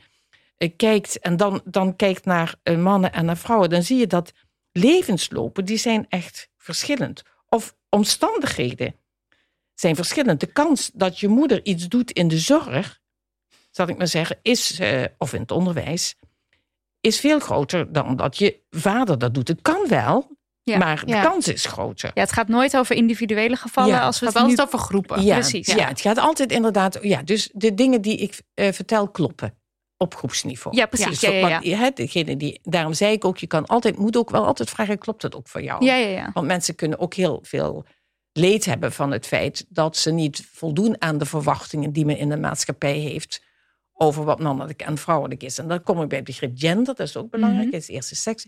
En gender dat is eigenlijk hoe we eh, in een cultuur en in een bepaalde tijd opgroeien en eh, als vanzelfsprekend aannemen wat mannelijk en wat vrouwelijk is. Hè? Ja. Dus hè, zoals ik net in, in mijn, eh, ik weet niet hoe je dat noemde, femi-dingetje, Feminist, van, ja. Eh, van, ehm, ja, precies, van- over de moeder. Hè? Ja. Eh, de- dus dat, dat zijn eigenlijk die vanzelfsprekendheden, die zijn wel ook in die zorg heel belangrijk, omdat het, en, ik, eh, en, en dat hoeft niet altijd zo te blijven, maar is nu nog wel zo. Dat is als je kijkt van hoe, hè, eh, hoe, hoe, hoe definieer je nou mannelijkheid en die vrouwelijkheid, hoe voel je je in, in je doen en je laten mannelijk of vrouwelijk. hè, Dus wat we noemen de genderidentiteit. hè, Mhm. dat is zoals ik me voel. Dan ehm, is voor vrouwen, voor het gevoel van eigenwaarde en het gevoel van wie ze is, zijn, eh, is de kwaliteit van de relaties is echt belangrijk. Het sociale. ja, het echt het relationele. Waar ze, hè, ehm, en dat, is, dat, dat, dat speelt op heel veel facetten, kan dat spelen, zal ik maar zeggen. eh, ook als risicofactor bijvoorbeeld om een depressie te krijgen. ja. Of om, eh, ja, of, of, of om, of om verslaafd te worden. Ja, nou, dit soort, ja. En voor mannen eh, die een andere genderidentiteit hebben, al, als groep, eh, is het veel meer ehm, dus een eigen. Hè, dus het gaat dus echt om eigenwaardering. Dat je je- jezelf waardeert en ook ziet als zodanig, is als men het doel heeft bereikt of resultaten heeft bereikt. Mm. Daarom is daar inderdaad ook ehm, competentie, zal ik maar zeggen. Hè, ehm, is, ehm, competitie, moet ik zeggen, is eigenlijk veel eh, belangrijker. Waarbij vrouwen het iets relationeels veel belangrijker is. En dat is, ehm, zeg maar, dat zijn, is de kracht voor allebei, denk ik ook. Maar het is ook gewoon hun. ehm, het zijn ook de kwetsbaarheden. Ja. Ja. Het zijn En ook echt de Ik kwetsbaarheden. weet niet of, of je hier een antwoord op, op kan geven, maar is dat dan is dat puur van buitenaf? Is dit een beetje het nature-nurture vraag, zeg maar? Of is dat gewoon niet bekend hoe dat dan zit? Ja. Ehm, Dat is natuurlijk een vraag die wij heel vaak wel ja, krijgen. nee, nou ja, Mannen nou, en ja, vrouwen zijn, zijn nou toch echt anders? anders. Ja. Ja. Ja, nou, ze zijn, niet, ze, zijn, ze zijn wel wat anders, hè? want dat is dat hele genetische patroon, dat is Mhm. het seksengebeuren. Dat zijn ook daarmee samenhangende eh, hormonen, zeg maar. En ook waarom presentatie of ziektes eh, in een periode waarin die hormonen een belangrijke rol eh, spelen, oestrogenen bijvoorbeeld, eh, spelen, is daarvan belang. Maar ik denk dat het dat is. En ik denk zelf heb ik geen last van om. Ik denk helemaal niet in die tegenstelling. Ik denk dat dan in een bepaalde tijd of in een maatschappij of in een bepaalde cultuur, zal ik maar zeggen, worden bepaalde aspecten daarvan benadrukt. Maar eh, wordt het ook geïnternaliseerd, zodat Mm. je ook zelf eh, Dat als het ware. Ja, het is Ja. ook een dynamiek. Hè? Tuurlijk, het is ja. niet iets heel statisch. Je wordt een Dus soort van in dat weggetje ge- ge- geduwd van zo, jij bent een vrouw en dus doe jij zo en vind jij dit leuk en moet jij je zo gedragen. Ja, het is doing gender. Het is niet being gender. Het is echt doing, gender. Het is echt iets dynamisch, zeg maar. Ja. Ja. Dus, wat, eh, ja, dus dat is daar het antwoord ehm, op. En het, en het is dus niet zo van, het is niet zo van nature ehm, vrouwen dit of van nature mannen dat. Nee. En het, is, het is altijd heel goed om te kijken van wat is, eh, wat is het gedeelte inderdaad wat, wat, eh, eh, ja, wat, wat seksen is. En nou ja, het zijn ook definities, zal ik maar zeggen. Zeker ook als je het over seks hebt, wat ook heel vloeiend is Ja, het is natuurlijk. ook hè. intersexen. Ja, zeker. Het is helemaal niet zo Ja, zwart-wit als Ja, dat veel mensen helemaal- altijd denken. Dus- ja, Ja. precies. En bij mannelijk vrouwelijk is, is dat ook zo. Is ook zo'n eh, schaal, zal ik Ja. maar zeggen. Dus Ja. het ligt veel eh, meer ertussenin. Nou, dan kan je natuurlijk heel kritisch eh, vragen van... Goh, waarom hou je je daar dan mee bezig? Hè? Als het ook nog zoveel ertussenin is. En Ja. dat heeft wel echt met de geneeskunde te maken. Dus ik kende... eh, ehm, het heeft ermee te maken dat in de, de geneeskunde is dit een blinde vlek. Hmm. Hmm. Dus ik kan wel zeggen, ja, alles is individueel en er zitten heel veel schakeringen. Dat, dat vind ik echt heel prima, zal ik maar zeggen, als een, een, als een nuancering op het moment dat dat andere echt heel erg is doorgedrongen. Namelijk dat er verschillen zijn Dat die er- belangrijk zijn voor de gezondheid. ja. Dat moet eerst. Ja. En niet die blinde vlek, de, de stereotyperingen. Dat moet echt inderdaad bewust zijn. Eh, en daar, eh, voordat we gaan kijken van hoe het op individueel niveau vlak ehm, eh, ja, misschien die seks en gender eigenlijk eh, eh, interfereert met elkaar. Ja. En de- vandaar ook dat je eh, op het moment dat je denkt, misschien is dit er aan de hand, vraag je het aan Ja. het individu. En die kan dan Ja. zeggen, dit geldt inderdaad voor mij of niet. Ja, ja, ja. Ja. En nog ingewikkelder is natuurlijk ook, er is natuurlijk ook nog eens iets als diversiteit. Dat speelt ook, hè? dus dat je weet dat bij die man-vrouw verschillen of bij die genderverschillen, mannelijkheid, vrouwelijkheid verschillen, speelt natuurlijk ook cultuur een belangrijke rol. Of etniciteit kan een belangrijke rol spelen, hè, vergeleken met seksen. Eh, je hebt seksuele oriëntatie die een rol kan spelen. Ehm, dus het is, het, het is met allerlei eh, nuanceringen moet je kijken naar het individu wat voor je zit. Maar de helft van de mensheid is man, de andere helft is vrouw, min. Om, om min, en nabij, ja, laten we het om zo en zeggen. nabij. Voor de non-binaire mensen. Nee, dat klopt, ja. Maar ik wil aangeven dat dit wel een belangrijk onderscheid is waar bijvoorbeeld cultuur nog een extra verdieping kan Ja. eh, Ja. Spelen. ja, eigenlijk is iemand is een soort mozaïek van allerlei Ja. verschillende identiteiten. Maar dat, die man-vrouw verschillen die Ja. zijn dermate ja, Ja, groot groot. Dat je, aanwezig. er, dat je er niet Ja. omheen kan. Ja, Ja. En, en ehm, Zo is het. ja, als je dan. eh, ik ben, kun je een voorbeeld geven van, van bijvoorbeeld een verschil in de biologie, die dan, wat dan veel invloed heeft? Ehm, ehm, ja. Nou, ja, nee, dat is zeker zo. Dus, nou, misschien. Nou, een belangrijk voorbeeld, maar ik weet niet of de. de- Ik, denk, ik weet niet, ik zal het gewoon vertellen. Dat gaat natuurlijk toch over. In, in de cardiologie is veel onderzoek gedaan en is ook veel bekend al. Nou, binnen die, binnen die cardiologie. Binnen die cardiologie is, ehm, is die pathofysiologie van dus de ziekte, hoe, hoe krijg je ooit een infarct, Mhm. ehm, is voor mannen anders dan voor vrouwen. In elk geval in de periode dat je oestrogenen een rol spelen. Dus zeg maar van je eerste menstruatie tot aan de overgang. Ehm, ook daarna zijn er verschillen, maar dat is in elk geval een heel belangrijk verschil. En dat heeft ermee te maken dat voor mannen het infarct vaak optreedt in de grote kransslagaders.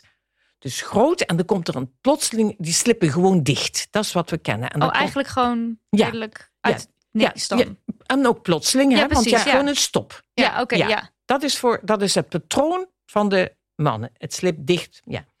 Bij vrouwen is een ander patroon, vandaar ook die andere presentatie. Vrouwen is een ander patroon. Bij vrouwen zit het veel meer in de. ehm, je hebt een wand bij een vat. Mhm. We hebben het weer over die kransslagaders. Dat zijn de aderen die het eh hartspier eh, voeden hè, en van zuurstof voorzien en van bloed voorzien. Ehm, in die wand, eh, daar vindt eigenlijk een soort eh, ontsteking, soort ontsteking, inflammatie heet dat netjes, in, plaats van de binnenwandbekleding. En die zorgt ervoor dat er een andere stroom komt. Dus het is niet een stop, een stenose, een obstructie, het kan niet meer door helemaal, maar de stroom van het vat is anders. Eh, en dat geeft ook ander soort klachten. Dat is het eerste punt. Het is een flowprobleem. Ja. Het andere is gewoon een dichtslippend probleem. Ja. Ja. En daarnaast is bij mannen dat in de grote vaten en bij vrouwen is het ook nog veel meer in de kleinere Hmm. uitlopertjes. Microvasculair heet dat. En dat zorgt er dus voor dat je dus eh, andere presentatie krijgt. Dus mannen krijgen een plotselinge eh, stop, zeg maar. Wat overigens vrouwen ook krijgen. Dus het klassieke patroon, zoals we dat van mannen noemen, zie je bij mannen en bij vrouwen. Maar vrouwen hebben daarnaast, en zeker de jongere vrouwen, dus de vrouwen tot aan de overgang, hebben daarnaast nog een patroon van dat het veel meer wisselt. Hè? Klassiek is, je krijgt pijn op je borst, het Mhm. straalt uit, je gaat, je gaat eh, bij een infarct en je gaat, eh, ehm, eh, je gaat zweten en dit soort zaken. Het straalt uit naar de armen, naar de kaken. Nou, en bij vrouwen is het zo dat dat patroon ook kan, Mhm. maar het kan ook zijn dat het, dat het er is en dat het fluctueert een beetje. Dus het is ineens wat erger en dan even later is het minder. Dus de klachten fluctueren in de tijd. Dus je kan eigenlijk dan langer de- mee lopen. Oh ja, zeker. Dus je kan zo ja. denken van nou, nou nu Ja, vandaag valt het zo wel lekker. mee, dus ja, het is oké. Ja, ja, En hoe voelt dat dan? En meer, meer eh, vrouwen hebben, hebben daarmee ook niet geen pijn op de borst oh ja, oké. als mannen. Dus het is ook nog een verschil. Allebei kunnen ze geen pijn op de borst hebben, dus dat maakt het weer moeilijker. Hè? Het, is Oh, ja, best, ja. het is best een Altijd. vak. Tuurlijk, een ja. heel leuk vak. Allemaal Ja, helemaal niks aan. We stoppen ermee. Nee, maar, dus, maar vrouwen hebben dus vaker gewoon geen pijn op de borst en dan mis je het dus ook. En wat is dan de, de, de, de presentatie, noem je dat geloof ik bij vrouwen? Dus waaraan zou je dan kunnen merken van... Nou, vrouwen hebben dus vaker geen pijn op de borst en ze hebben vaker wel dat ze benauwd zijn. Ze hebben ook vaker andersoortige uitstralingen, bijvoorbeeld naar de kaken, naar de oksel. Dus dat is. ehm, ehm, dus het zijn eigenlijk factoren die ervoor zorgen dat je er niet zo snel aan denkt. Hmm. Want de dokter is helemaal gewend om te denken naar wat hij geleerd heeft in de, in de leerboeken. En de leerboeken, de meeste leerboeken, is nog pas onderzocht, hebben echt nog niet apart iets van het vrouwenhart ook nu erbij. nog steeds niet? Ook nu Oh, nog, ja goed. zeker. Ja. Oké. Ja, behalve Oh. de nieuwe boeken die geschreven zijn door Ja, maar, ons. Ja, maar ja. dat is, heel je veel. denkt op het moment dat dat bekend wordt, van nou worden alle medische boeken worden herschreven of er wordt op zijn minst een soort rectificatie, maar dat is dus niet zo. Dat is net als met Nee, de clitoris die nu pas in dat boek staat. In de terwijl al- biologieboeken ja. van de middelbare ja, school. Ja. Ja, Nee, dat is inderdaad, nee, dat is inderdaad niet zo. Je moet eigenlijk bedenken dat ehm in 83 al, het, eh, al de eerste artikelen zijn gekomen, ook hier in Nederland, eh, over de vrouwelijke patiënten in de huisartspraktijk. Ehm, er is, nou, die leerstoel is gekomen, eh, andere leerstoelen zijn gekomen. Angela Maas zit al een tijd Ja, op dat ja. hart natuurlijk gewoon bij ons. Maar hier in het AMC en de VU ook zijn echt mensen ermee bezig. Dus dat, dat heeft dan echt inderdaad wel tijd nodig. Dat iedereen dat weet. Ik moet Ja. nog iets anders zeggen. Dat is dat vrouwen zelf. Dus de dokter denkt er niet aan. En vrouwen zelf denken niet. er ook niet aan. Nee, want die denken Nee. ook in dat plaatje natuurlijk. Ja. Van dat je Ja. zo... Ja, ja. Maar dat is ook ja. wat je, je verwacht Ja. gewoon. Ik heb pijn op de borst, wat dus Ja. blijkbaar al niet altijd Ja. klopt. En dat, Ja. je, dat je dan inderdaad dat het uitstraalt naar de armen, dat je ter aarde stort en zwetend en ja. zo. Ja, Ik las ook iets over die... Oh, sorry. Wil je... Nou ja, ik, ik, ik ben aan het denken dat we twee prachtige voorbeelden hadden. Eh, eh, gewoon van twee mensen, overigens allebei uit eh, eh, Amsterdam hier. Maar mijn collega zat eh, hier huisarts. En die had het niet zo bedacht, maar die had wel eh, wat jongere mensen met een infarct. En die man, die, die was tegels in het licht, dus best zwaar. Dus die werd, eh, eh, die werd gewoon in- in- ineens helemaal na, kreeg een enorme pijn. En die zei, ik heb een hartinfarct, zei die gewoon tegen zijn broer, die ook mee aan het werken was. De mensen, op- nee, de mannen op mijn werk hadden dat al lang zo gezegd. En die vrouw, die werkte in een slagerij. En die ging zitten en die dacht, ik word gewoon niet goed. Mhm. Ik heb ook gewoon nog niet gegeten vanochtend, zo, zal ik maar zeggen. En, eh, ehm, maar goed, daar heeft gelukkig iemand naar de pols gevoeld en de ja. ambulance gebeld. Maar die dacht er zelf helemaal niet aan. En de mensen in de, in de, die daar werkten ook niet. Dus het is ook iets wat... ehm, eh, die awareness, die bewustwording van dat het bij vrouwen kan voorkomen. En bij jonge vrouwen zeker kan voorkomen. En zeker als ze roken. Hm, ja. Om eens Ja. iets te noemen wat ook een belangrijk verschil is. Ja, is Ja. een risico van roken voor vrouwen wat meer is. Hè, meer dan het bij mannen is. Hm. Ook het risico op, een, op eh, longkanker. En voor vrouwen extra ook, ehm dat is ook echt een boodschap aan huisartsen. Als vrouwen eh, de pil gebruiken en ze worden ouder, eh, pil gebruiken en ze worden ouder dan 35 jaar, zal ik maar zeggen, en ze roken, ja, dat is gewoon een hartstikke groot risico. Oké. Dus Ja. Ja. Dus stoppen luisteraars... ermee. Ja, stoppen Luisteraars met en een pil. Nu, ja. ja. Stop nu. Ja. Eh, ja, nee, wat ik jou in een interview hoorde zeggen was dat ook de water-vetverdeling Ja. anders is en dat dat ook best wel wat invloed heeft. Ja, dus dat, dat is het andere mooie grote voorbeeld. Ja. Dat is de medicatie, zeg maar. Hè?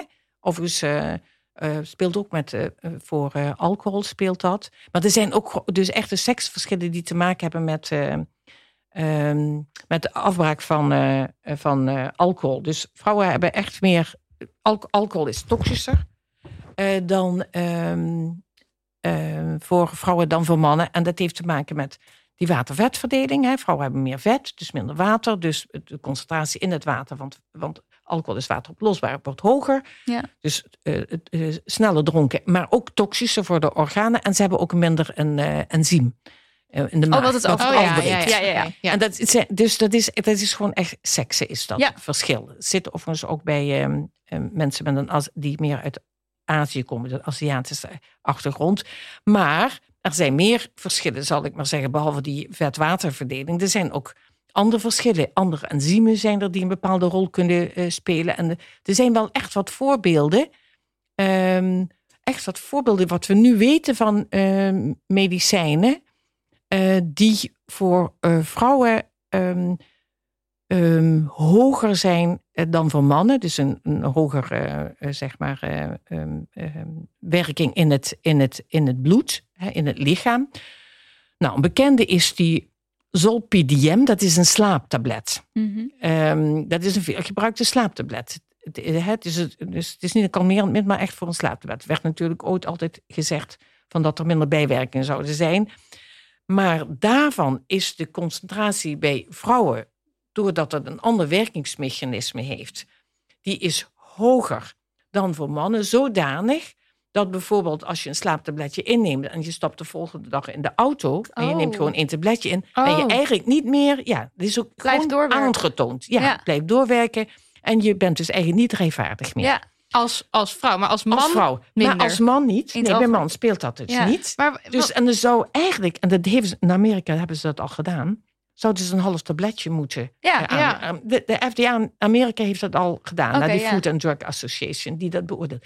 Maar in Nederland duurt dat nog weer wat langer. Ja, want ik zit dus net te denken aan als ik een voor, eh, iets voorgeschreven krijg door de huisarts en je haalt het op, dan staat er altijd gewoon, weet ik veel, één tablet per dag. Maar Ja. het staat nooit mannen, Nee. te, te- acht tabletten vrouw, een halve, want of Ja. zo. Dat, eh, Die verdeling wordt niet gemaakt. Ja, die slag moet echt heel erg, daar moet echt ook heel veel onderzoek gedaan worden.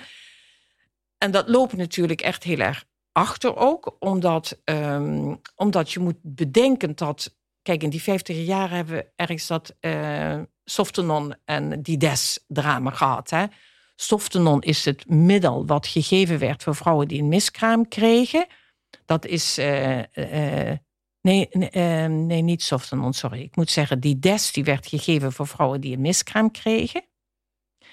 Die Des, hebben jullie nooit van Des gehoord? Nee, niet dat. jij? Moeders en des- ken ik wel, wel Ja. maar die andere niet. Nee. Nou, die, de des moeders en des dochters is in mijn tijd, want het is pas in 79, denk ik, gestopt dat het niet meer werd voorgeschreven. Dus vrouwen als ze bloeden of men dreigde een miskraam, kregen dat middel. Mhm. Eh, die ethinyl estradiol, denk ik, zoiets. Maar des was het. Het was een hormoon.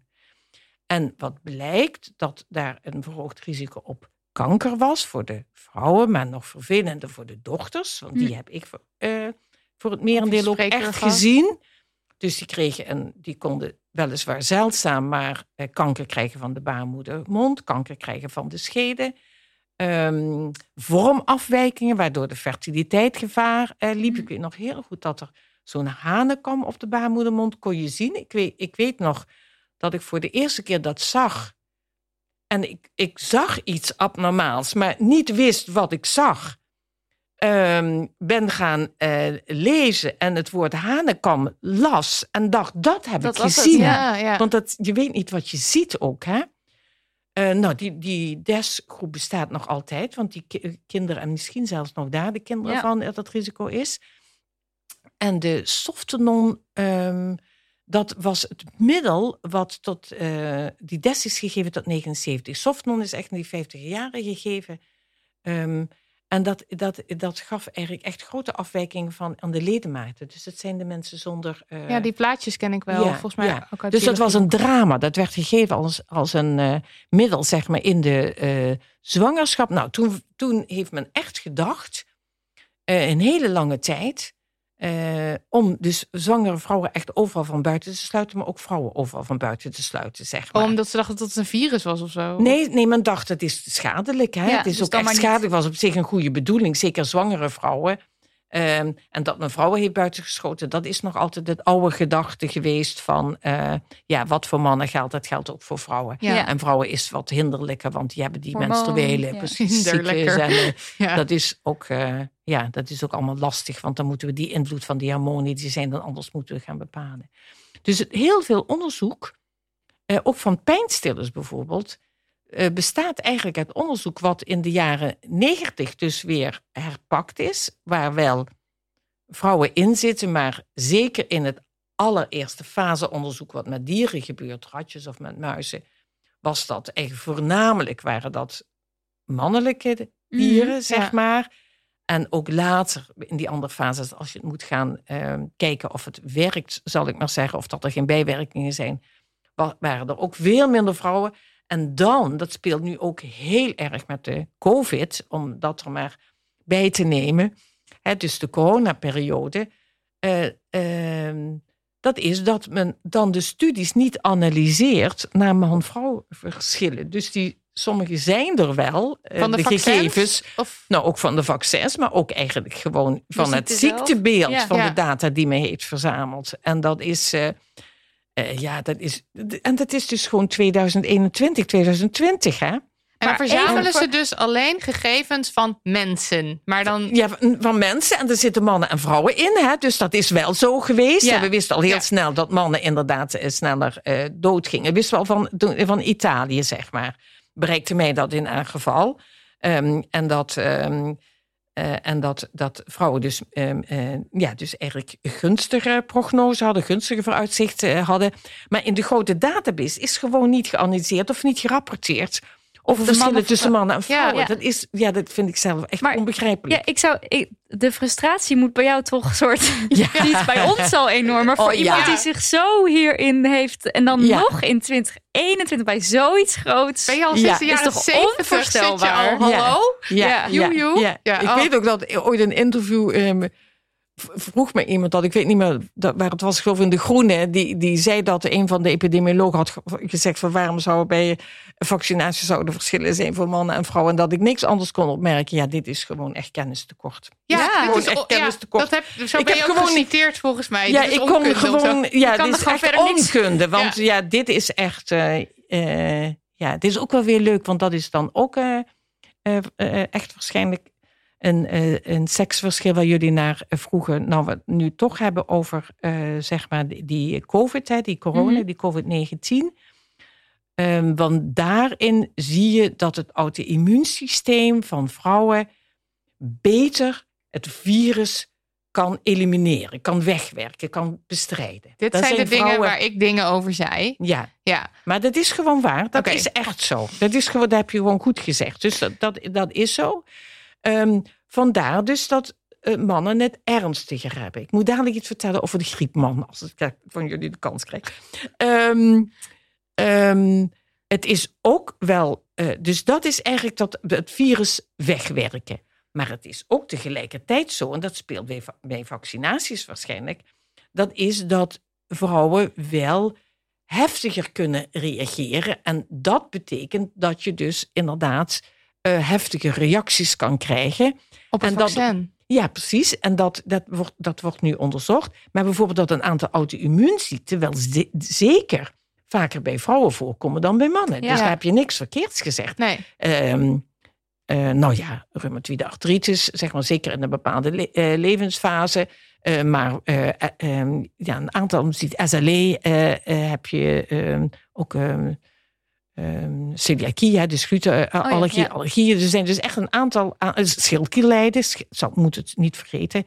Schildklierlijden, dat komt echt vaker voor bij vrouwen. Echt stukken vaker voor bij vrouwen dan bij mannen. Is ook wel handig om te weten. Want Ja. dat je bij die klachten eerst aan de een denkt en dan later pas aan de ander. Ik wou iets vertellen over die griepman. Maar misschien. Doe. eh, ja, doe. het- Ik, hang aan je lippen. Aan je lippen. Kennen jullie het plaatje van de griepman? Dat Nee. is het plaatje, dat is wel heel erg leuk. Dus ehm, eh, ja, ik, ik zou nou moeten citeren. Ik heb het ergens gezien en het is griepman eh, genoemd. Ehm, het is al van jaren terug. Je ziet dus een man, zie je ongelooflijk zielig in bed liggen. Die duidelijk dus griep heeft. eh, die een, eh, een rood neusje heeft. Die een beertje in zijn hand heeft. En ik gebruik dat wel eens, zal ik maar zeggen, bij trainingen. Om dan mensen te zeggen van, goh, wat zien jullie? En hij is duidelijk heel erg zielig.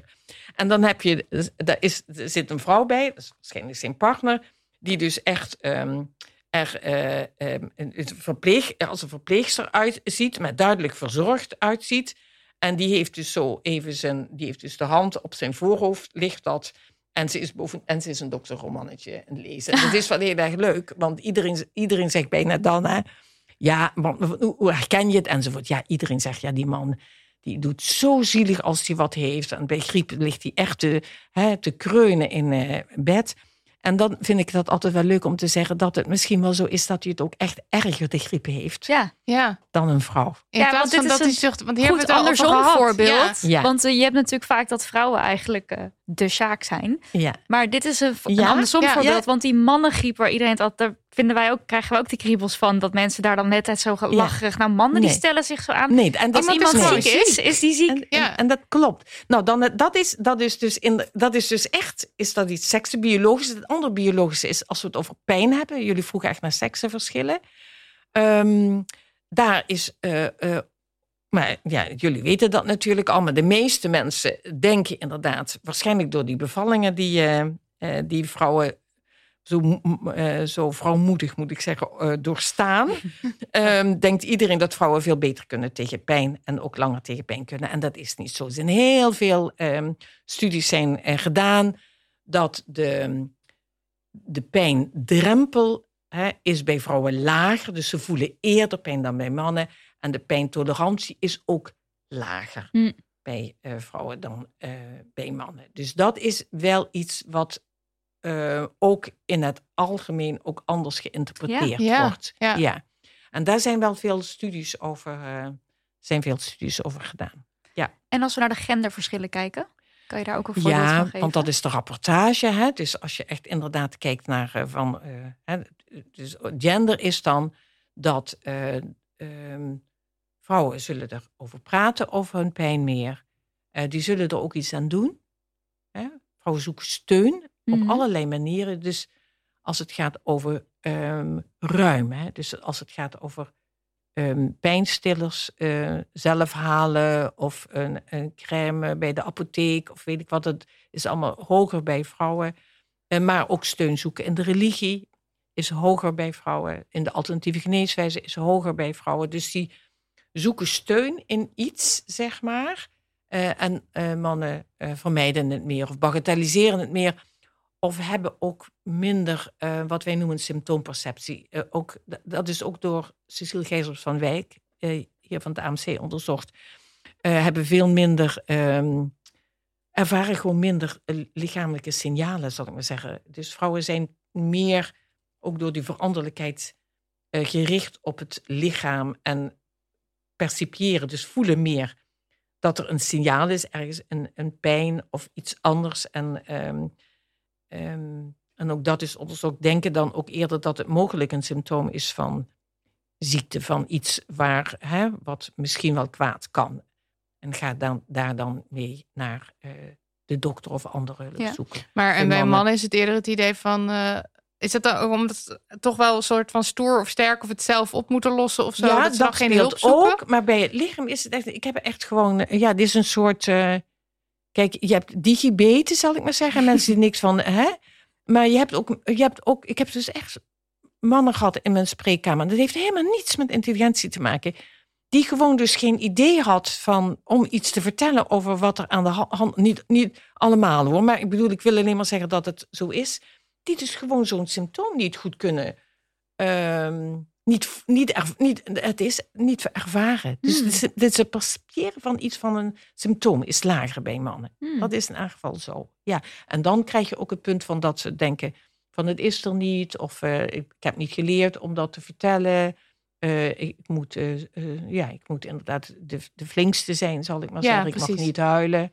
Ja, nou zie je. Behalve bij sporten. Bij sport zie je Dan mag het. Dan mogen ze op de grond liggen. Over en op elkaar. En inderdaad, dus van vreugde, zullen we maar zeggen. Hè? Maar ook mannen huilen ook inderdaad. eh, die Chinese mannen of zo, die allemaal huilden als ze het verkeerd hadden gedaan. Ja. Ik moet nu ook denken aan ehm, het interview wat ik las met Madeleine van de Nieuwenhuizen. Over de, want zij heeft zo'n zijn project bezig over eh, handeling, handelingsonbekwaamheid. Van eh, wat in de jaren 50, als je als vrouw ging trouwen, dan Oh, ja. mocht je niet meer werken. ja, ja. En zij doet nu een heel onderzoek naar hoe vrouwen van toen dat hebben ervaren. En volgens mij zei ze dus in het interview ergens van... ja, er zijn ook wel wat... eh, maar ik weet niet of ik het nou groter maak in mijn hoofd hoor. Dus eh, pin me er niet op vast. Maar ehm, dat er ook wel wat, wat vrouwen waren die gewoon echt wel daar op een bepaalde manier depressief van werden. Of heel erg het gevoel hebben gehad van ja, ik heb niet mijn leven kunnen leven zoals ik dat wilde. Eh, en dat dus allemaal dus ook onder, en onderdrukte. En daar dus misschien ook wel voor naar de dokter gingen van ik voel me zo, Oh, zeker. Eh, zo verloren of zo. Of depressief misschien wel. En ik moet nu ook denken aan dat stereotype beeld van de Amerikaanse huisvrouw. Die zeg maar kalmeringsmiddelen Ja, ja, slikt. ja, zeker. Mm. Ja, en dat, ja. daar, dat zijn, zou je, zijn dat ook genderverschillen? Dat zijn genderverschillen, toch? Want je Ja. wordt heel erg in de zorgende rol gedrukt als Ja, vrouw. En ja. dan opeens moet Ja. je dealen met dingen wat misschien helemaal niet is wat je wil. Ja. Mother's Little Friend. Zoiets. Ja, zoiets. Moet een liedje zijn. Eh, en het heet het huisvrouwensyndroom. Ja, werd het Hmm. gewoon in ieder geval hier genoemd. En dat had enorm te maken met inderdaad het feit dat de, ehm, ja, tegen dat huisvrouwensyndroom is natuurlijk het eerste manifest eh, vanuit de, van de, van de jaren zeventig. degene die ook vroeg gestorven is. Ik weet haar naam nu even Joke niet. Smit? Joke Ah, ja. Smit kon natuurlijk. Ah. Ja, zeker. Dus dat, is, dat was echt daartegen, eh, helemaal tegen gericht. Nee, dat, dat, was, dat was ook werkelijk een probleem. Ja, dat was ook zo. Het Het onbehagen bij de vrouw. Het onbehagen bij de vrouw. Ja. Zullen we ook allemaal even in de show, In de notes show Ja. zetten. Ja, ja, ja. Oh, nog altijd heel belangrijk om te lezen. Nog echt altijd heel belangrijk. Ja, heel Nog altijd actueel actueel eigenlijk. ook. Absoluut. Ja. ja, ja, ja, zeker. Wat moet nou elke arts of misschien ook mensen in opleiding, misschien ook zelfs de patiënten zelf, wat moet iedereen nou eigenlijk weten als we het hebben over man-vrouw verschillen? Nou, in elk geval de dingen die bekend zijn uit de literatuur, die moeten ze, of van onderzoek, die moeten ze echt, eh, echt weten. Wij, ik, ik, ik weet niet of ik jullie verteld heb dat, wij, dat een boek uitkomt van. eh, nee, dat heb ik vast niet verteld. Kom maar door. Is ook een goede. Ja. In eh, eind oktober, begin november komt behoorlijk dik boek uit over ehm, gendersensitieve huisartsgeneeskunde. Eh, en dat eh, bevat ongeveer 30, 31 hoofdstukken eh, met een heleboel auteurs, een stuk of 45. En daar staan in elk geval alle, alle feiten die ook onderzocht zijn, ehm, die staan erin. En dan moet je denken aan hoofdstukken, zal een paar hoofdstukken opnoemen. Natuurlijk, wat, wat is gendersensitieve huisartsgeneeskunde? Wat zijn de begrippen die het inhouden? Maar ook over ehm, eh, migraine. Natuurlijk over ehm, eh, eh, het infarct. Over stress. Over ADHD. Oh ja, daar daar kan ik ook niet, als we het over presentatie krijgen, kan ik daar. eh, is ADHD en AS is ook nog een, zijn ook grote verschillen, zal ik maar zeggen. En AS is autisme spectrumstoornissen.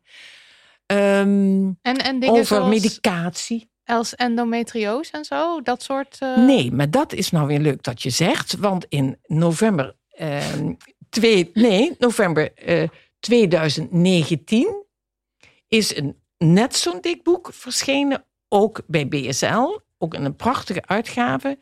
Met 35 hoofdstukken die gaan over urogynecologische klachten. En daarin staat het hele gebeuren, zal ik maar zeggen, een beetje van onder de gordel, van onder de gordel staat erin beschreven. Hmm. Dus eh, van, eh, ja, al dit soort eh, onderwerpen, de hele anticonceptie staat er helemaal in. Eh, allerlei levensfasen staat erin van en adolescentie. dus up-to-date. En want helemaal 2019. up-to-date. Maar is Ja. het dan, is het voor huisartsen van, oh, nu komt dat boek, zeg maar, iedereen weet al, dat is een soort, is, of Gaat er Of een nou. soort bus van nu is straks is de Nu geneeskunde halen. aangevuld. En dan ja, die is echt. Ja, werkt erg- dat nou, zo? daar, daar hebben we dus echt heel veel eh, je moderne media werk. voor nodig. Zoals, nou, wij moeten dat jullie zeggen. dat doen, ja, jonge mensen. Ja, dus Ja. ehm, Alle journalisten die luisteren, Ja, die moeten eh, daarop kom mee. op contact. want ja, 25 november is 25 een november. 25 november is een congres. Dan wordt het ook, maar waarschijnlijk is het al wat eerder uit. Is een congres ehm, eh, getiteld Gender durft het verschil te maken. Maar dat zal ik wel even naar jullie toesturen, want je kan je al aanmelden in Nijmegen. En dat gaat, daar zijn hele mooie onderwerpen, want er staat stress bijvoorbeeld staat erop. Er staat eh, eh, medicijngebruik staat erop. Eh, leiderschap staat er eh, ook op, eh, zal ik maar zeggen, van Yvonne Benschop, hoogleraar eh, aan de Radboud, eh, managementwetenschappen. Ehm, ehm, nou ja, het is gewoon een hele dag waar eh, die dingen, waar, waar eh, aandacht voor is, zeg maar. eh, Ja. Aan de Ja. belangrijke, belangrijkste aspecten, zeg maar. Ja, ja. Stel, ik leg even een schaal voor je neer van 0 tot 10. Waar zijn we dan nu al? Hoeveel, hoeveel meer stappen moeten we nog maken? Zitten we al bij de 7, 8 of bij één. Oh nee, ja, we zitten nog helemaal niet bij de 7 en Oh. de 8. Ja, en toch ben ik optimistisch, omdat Ja, ja, er wel, er zijn wel er dingen... is veel echt- werk gedaan. Er is echt veel werk Ja. eh, gedaan. Ja, ook goed om want- dat te ja, erkennen. Ja, want er is natuurlijk ook, er was eigenlijk al een eh vrouwspecifieke geneeskunde, was er al. Hè? Dat is toen waar Women Inc. is begonnen. Want Mhm. ik heb die, die geschiedenis niet helemaal afgemaakt, omdat er is nog echt een eikpunt geweest op het moment dat dat boek is uitgekomen. Ehm, en eh, dat is 2013 geweest. En dat is, daar heeft Women Inc. eh, heeft dat helemaal omarmd en gesupport ook. Om daar heel veel, eh, om, om gewoon gezondheid als thema Ja, te maken, ja. Zeg ze ook maar. veel geld En dat, eh, ja, en dat, ja, toch? precies. Ja. Dus dat is het. Daar moet de awareness moet, er moet veel geld komen voor onderzoek. En het moet ook echt, ja, ik heb me altijd vooral gericht, ook behalve het onderzoek, op eh, de praktijk. Dus het onderwijs en de praktijk. Ehm, nee, ja, dat is wel lastig om dat nu eh, te zeggen. Want ik denk, nou, we zijn misschien halverwege. Zoiets. ja. Eh, dus een beetje glas vol, glas leeg. Zoiets. Nee, we zijn er wel we echt nog lang niet. hè. Maar het is goed om te zeggen, Ja. er zijn heel veel stappen gemaakt. Ja. Want het moet Ja. ook erkend worden dat dat Ja. gebeurt. Maar Ja. we zijn er gewoon nog niet. Niet, Nou ja. nee. En dan heb je het goede punt, de disciplines. Dus de, de, de, de specialismen, zal ik maar zeggen. Mhm. De opleidingen, de, de opleiders op de werkplek. Die moeten dit gaan omarmen. Ja. Die, moeten er, die moeten gaan zien dat het dus echt eh, uitmaakt dat je eh, moet weten dat je zolpidem dus maar een half tabletje aan vrouwen Ja. moet weten. Ja. Dat je moet weten dat het heel erg gevaarlijk is aan vrouwen aan plastabletten te geven, omdat die vaak een heel laag zoutgehalte kunnen krijgen. En dat is, kan heel eh, gevaarlijk zijn dat je weet dat bepaalde medicijnen, om nu even maar te noemen, een verlenging kunnen, dus uh, hartritmestoornis kunnen geven, omdat vrouwen een iets langer, uh, zeg maar, geleidingstijd hebben. En sommige medicijnen kunnen dat geleidingstijd uh, verlengen. En dan als je al een iets langer hebt, dan wordt het, dan wordt het ja, nog langer. ja, dus ja, dan krijg je hartritmestoornissen van die uh, dodelijk kunnen zijn bij um, medicijnen. Dus het, nou, er zijn een heleboel zaken die uh, belangrijk zijn om te weten. En het is natuurlijk ook heel naar als je gewoon uh, jaren later pas ziet dat een meisje inderdaad een heleboel uh, brokken heeft gemaakt, omdat niet gediagnosticeerd. Dat heb ik ook meegemaakt. Staat ook in onze Ja, mijn ja, gelezen. Klopt, ja. Gewoon Over de ADHD, van, ja, dat, dat je denkt, ja, niet, niet gediagnosticeerd of, Ja. uh, of vrouwen met as ook. Dus dat is wel ja, belangrijk. Ja, we hebben niet Ja. voor niets natuurlijk ook. We hebben een aflevering gemaakt over autisme. We hebben een Ja. aflevering gemaakt over ADHD, waarin, waarin ook vrouwen eh, zeggen: luister, dit is Ja. nooit bij mij gediagnosticeerd. Ja. Want Ja. Ja. het is gewoon heel anders dan bij mannen. En we hebben dat beeld van hoe het bij mannen Mannen zich uit zo in ons hoofd. En omgekeerd is het ook belangrijk, toch? Want het zijn natuurlijk. ehm, eh, er is natuurlijk een, een eh, zekere eh, dynamiek tussen mannelijke, mannelijke rol of man, mannelijkheid en vrouwelijkheid. Hè? Dus je ziet bijvoorbeeld in de geneeskunde is, is, is het ook zo dat ik denk dat mannen met een alcoholprobleem vaak op die alcohol worden ingezet. Waar ook heel belangrijk vind ik dat natuurlijk wel, maar waar ze dus bijna niet uit willen eh, dat je daarover begint. Omdat ze denken, ja, maar dat is het enige houvast wat ik heb om op de been te blijven.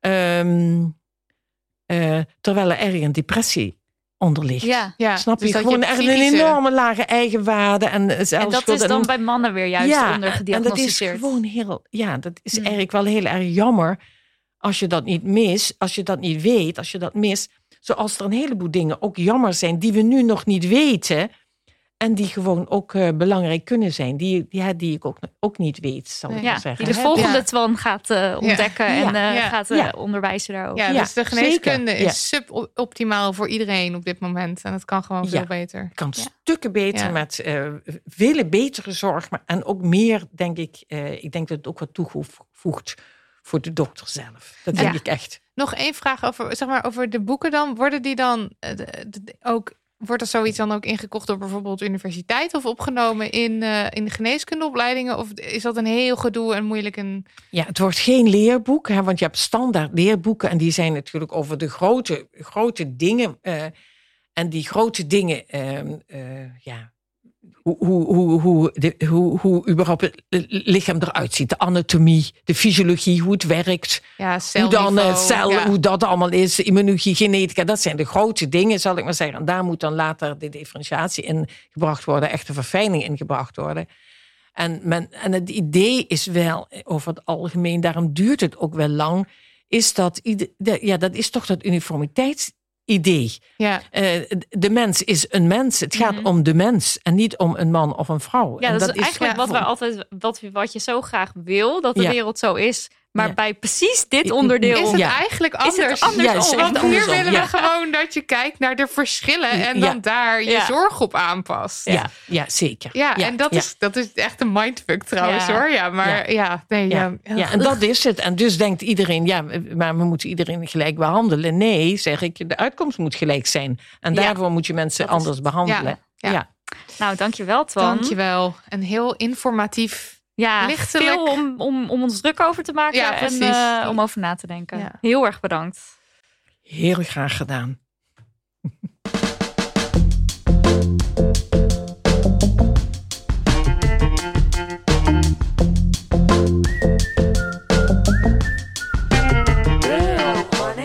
Tijd voor onze afsluitende rubriek, de Damn Honey Yes. een no. Mhm. Marilotte, Ja. jij hebt een no. En dat is iets, iets wat ik heb ontweken om daar meer over te lezen. Omdat ik daar heel Depressief naar van werd. van ja. word. Ja. Nou ja, ik heb het ook ontweken. Ik heb eh, me er vanochtend licht aan gewaagd. Maar ik wil het eigenlijk nog steeds niet heel erg lezen, want ik krijg gewoon kno- eh, een knoop van in mijn maag.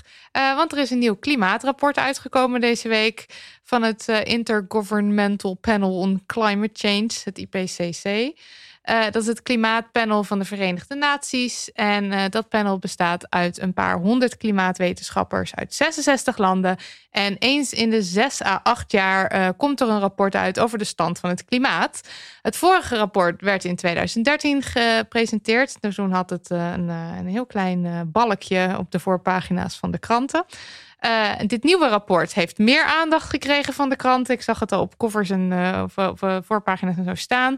Het zou een basis moeten zijn voor het klimaatbeleid van regeringen over de hele wereld. En in het najaar is er weer zo'n klimaattop in Glasgow. Dus het is daarvoor uitgekomen. Eh, ik kan niet anders zeggen, het is vreselijk. Ik kan me niet voorstellen ook dat je het gemist hebt. Eh, dus tenzij je, ehm tenzij je het bewust hebt vermeden. je kop in het zand hebt gestoken, wat ik je helemaal niet kwalijk zou nemen, want dat is gewoon self-care. da- het is er. Eh, kort wat erin staat dan toch maar even. Het is eh, code rood voor de wereld. De klimaatverandering komt door de mens. Het gaat harder dan we dachten. Iedereen dacht altijd, we gaan maar anderhalve graad opwarmen en dan komt het goed. Maar zoals we nu gaan, stevenen we af, op eh, drie tot vijf graden opwarming. En dat heeft desastreuze gevolgen voor de aarde en dus voor de mens.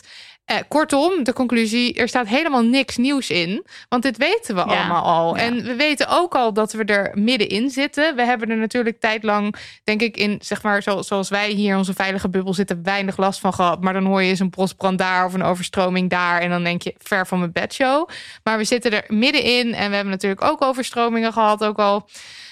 Nou ja, goed. Ik weet, het is gewoon, ik voel gewoon heel veel emoties hierbij. En daarom lees ik het ook liever niet, omdat ik me zo machteloos voel. Want het, het is zeg, we, hebben, we hebben de, de, de kennis en, en, en, de, en de, hoe noem je dat, de techniek in huis. En eh, we zouden het gewoon nog kunnen omkeren.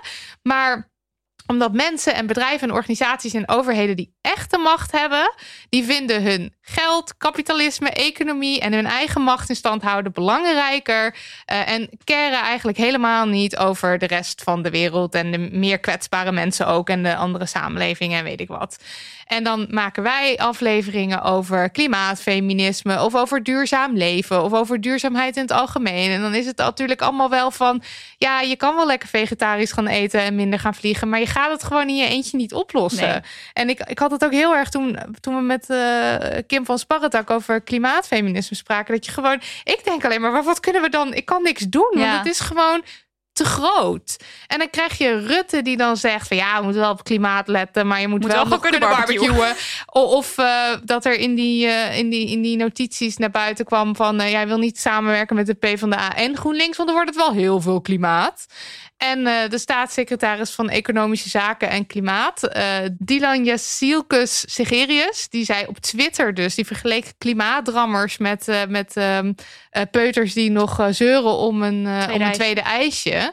Wat fucking denigerend is naar iedereen die gewoon wil duidelijk maken dat we echt in een penibele situatie zitten. Ja, En een dan- penibele situatie. Ja, wel understatement Ja, van de precies. eeuw. En, eh, en dan heb je nog dat. nee, vanochtend kwam ik weer een eh, krant, eh, krantartikel tegen. waar wat dan kopt. klimaatrapport leidt niet tot spoedvergaderingen in bestuurskamers. Dus dan heb je bedrijven als Tata Steel. die voor meer dan 4% van de CO2 zorgt in Nederland. En dan is het van ja, nou ja, weet je, we hebben al allemaal maatregelen genomen. We gaan eerst even een onafhankelijk onderzoek instellen. om te kijken of het wel echt nodig is. Wat gewoon uitstelgedrag is. Ja. zoveel marketingbudget uit om te doen alsof we groen zijn. Ja. En dan is het nog meer. En dan is het ook nog, oké, dat is dan Nederland. Nederland doet het dan, eh, zeg maar, Rutte, bleh, alles bleh. Maar ja, het is ook nog de wereld. Dus dan lees je, Australië vindt het allemaal wel prima. China vindt het allemaal wel prima. En dan denk ik, we zijn gewoon fucked allemaal. Talk about the damn honey nose. hè? Ja. nou, dat was hem.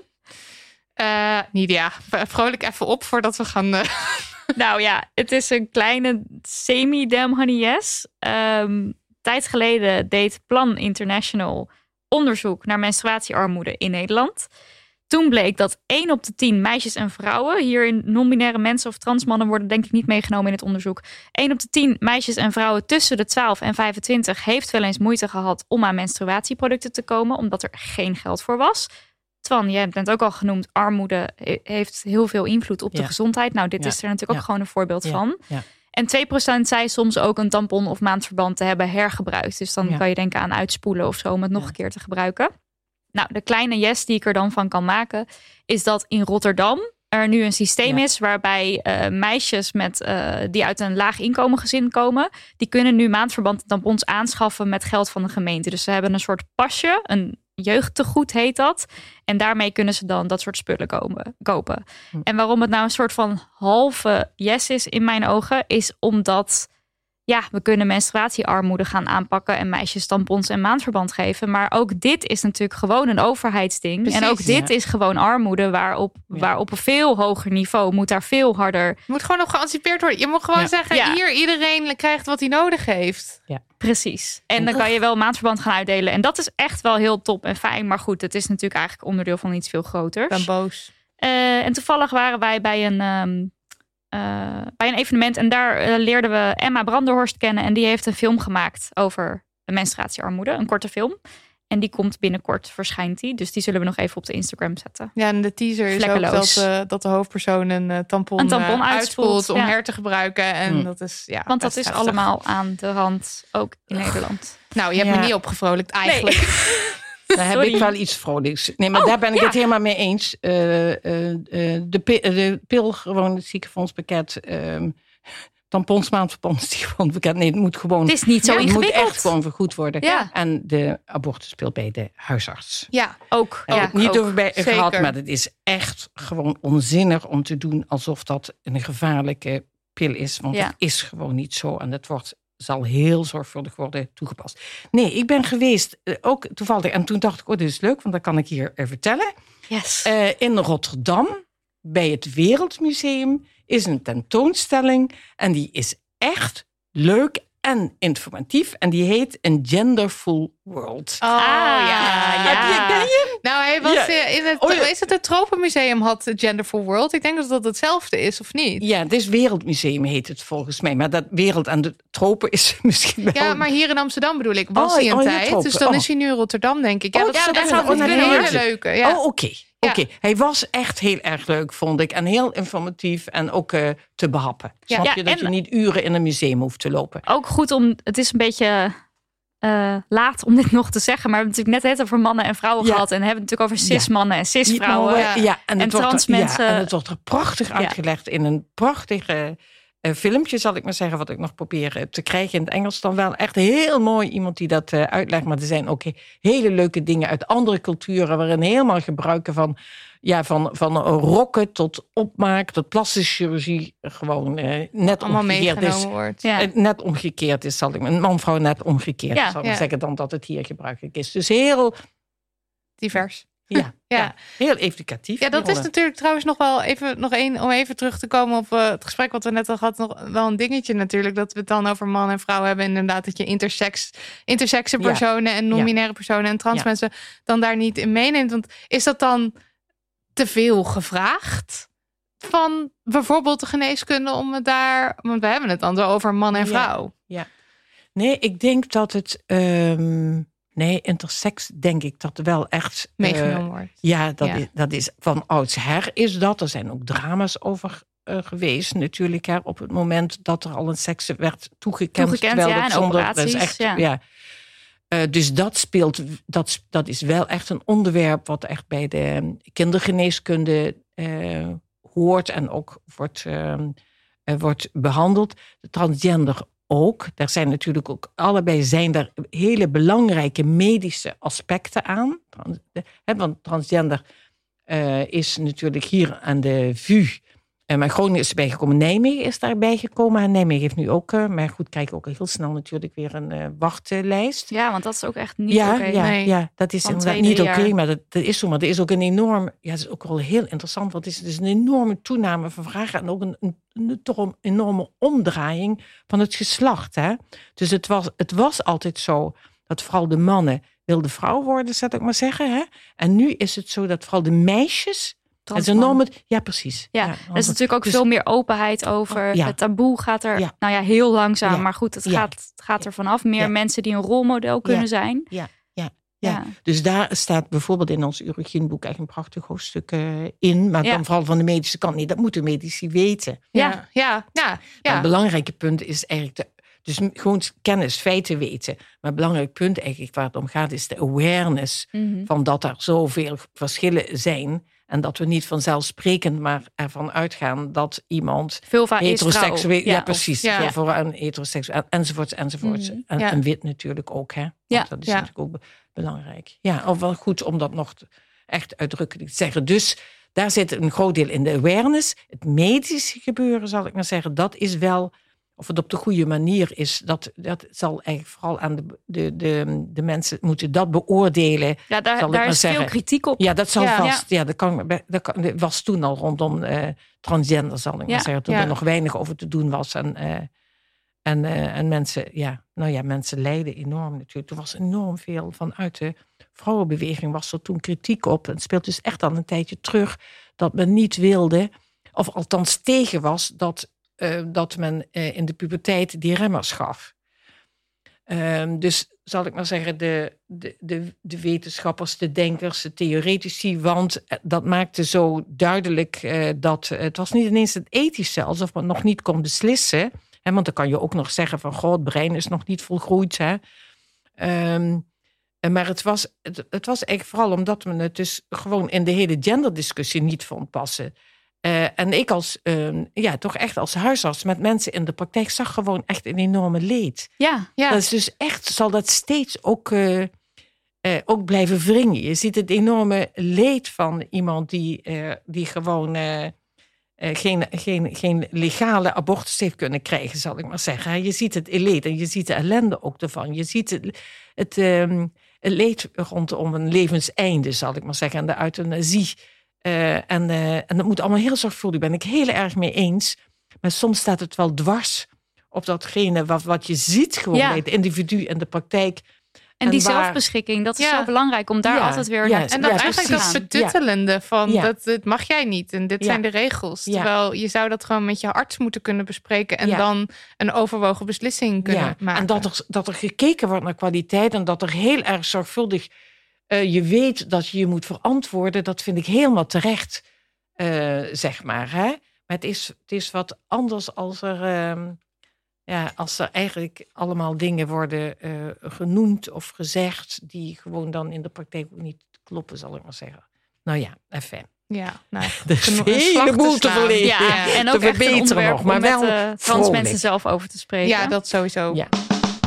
Dit was aflevering 73. Dankjewel Twan voor je komst, voor je informatie, voor je verhaal en al het geweldige werk dat je hebt verzet. En nog altijd verzet. En nog Ja, altijd, ja, ja, ja. zoveel dank. Daniel van de Poppen, wat een parel van een edit heb je weer afgeleverd. Dankjewel. Lucas de Geer, het was weer flink swingen op je jingles. Dankjewel Mop. En Lisbeth Smit, onze steun en toeverlaat op veel vlakken. En dan voornamelijk op het gebied website. Dank, dank, dank dat je onlangs ons nieuwe boek Queer Baby aan de website hebt toegevoegd. En voor de luisteraar die nieuwsgierig is naar dat boek, op damnmoney.nl slash queer-baby kun je het voorwoord lezen.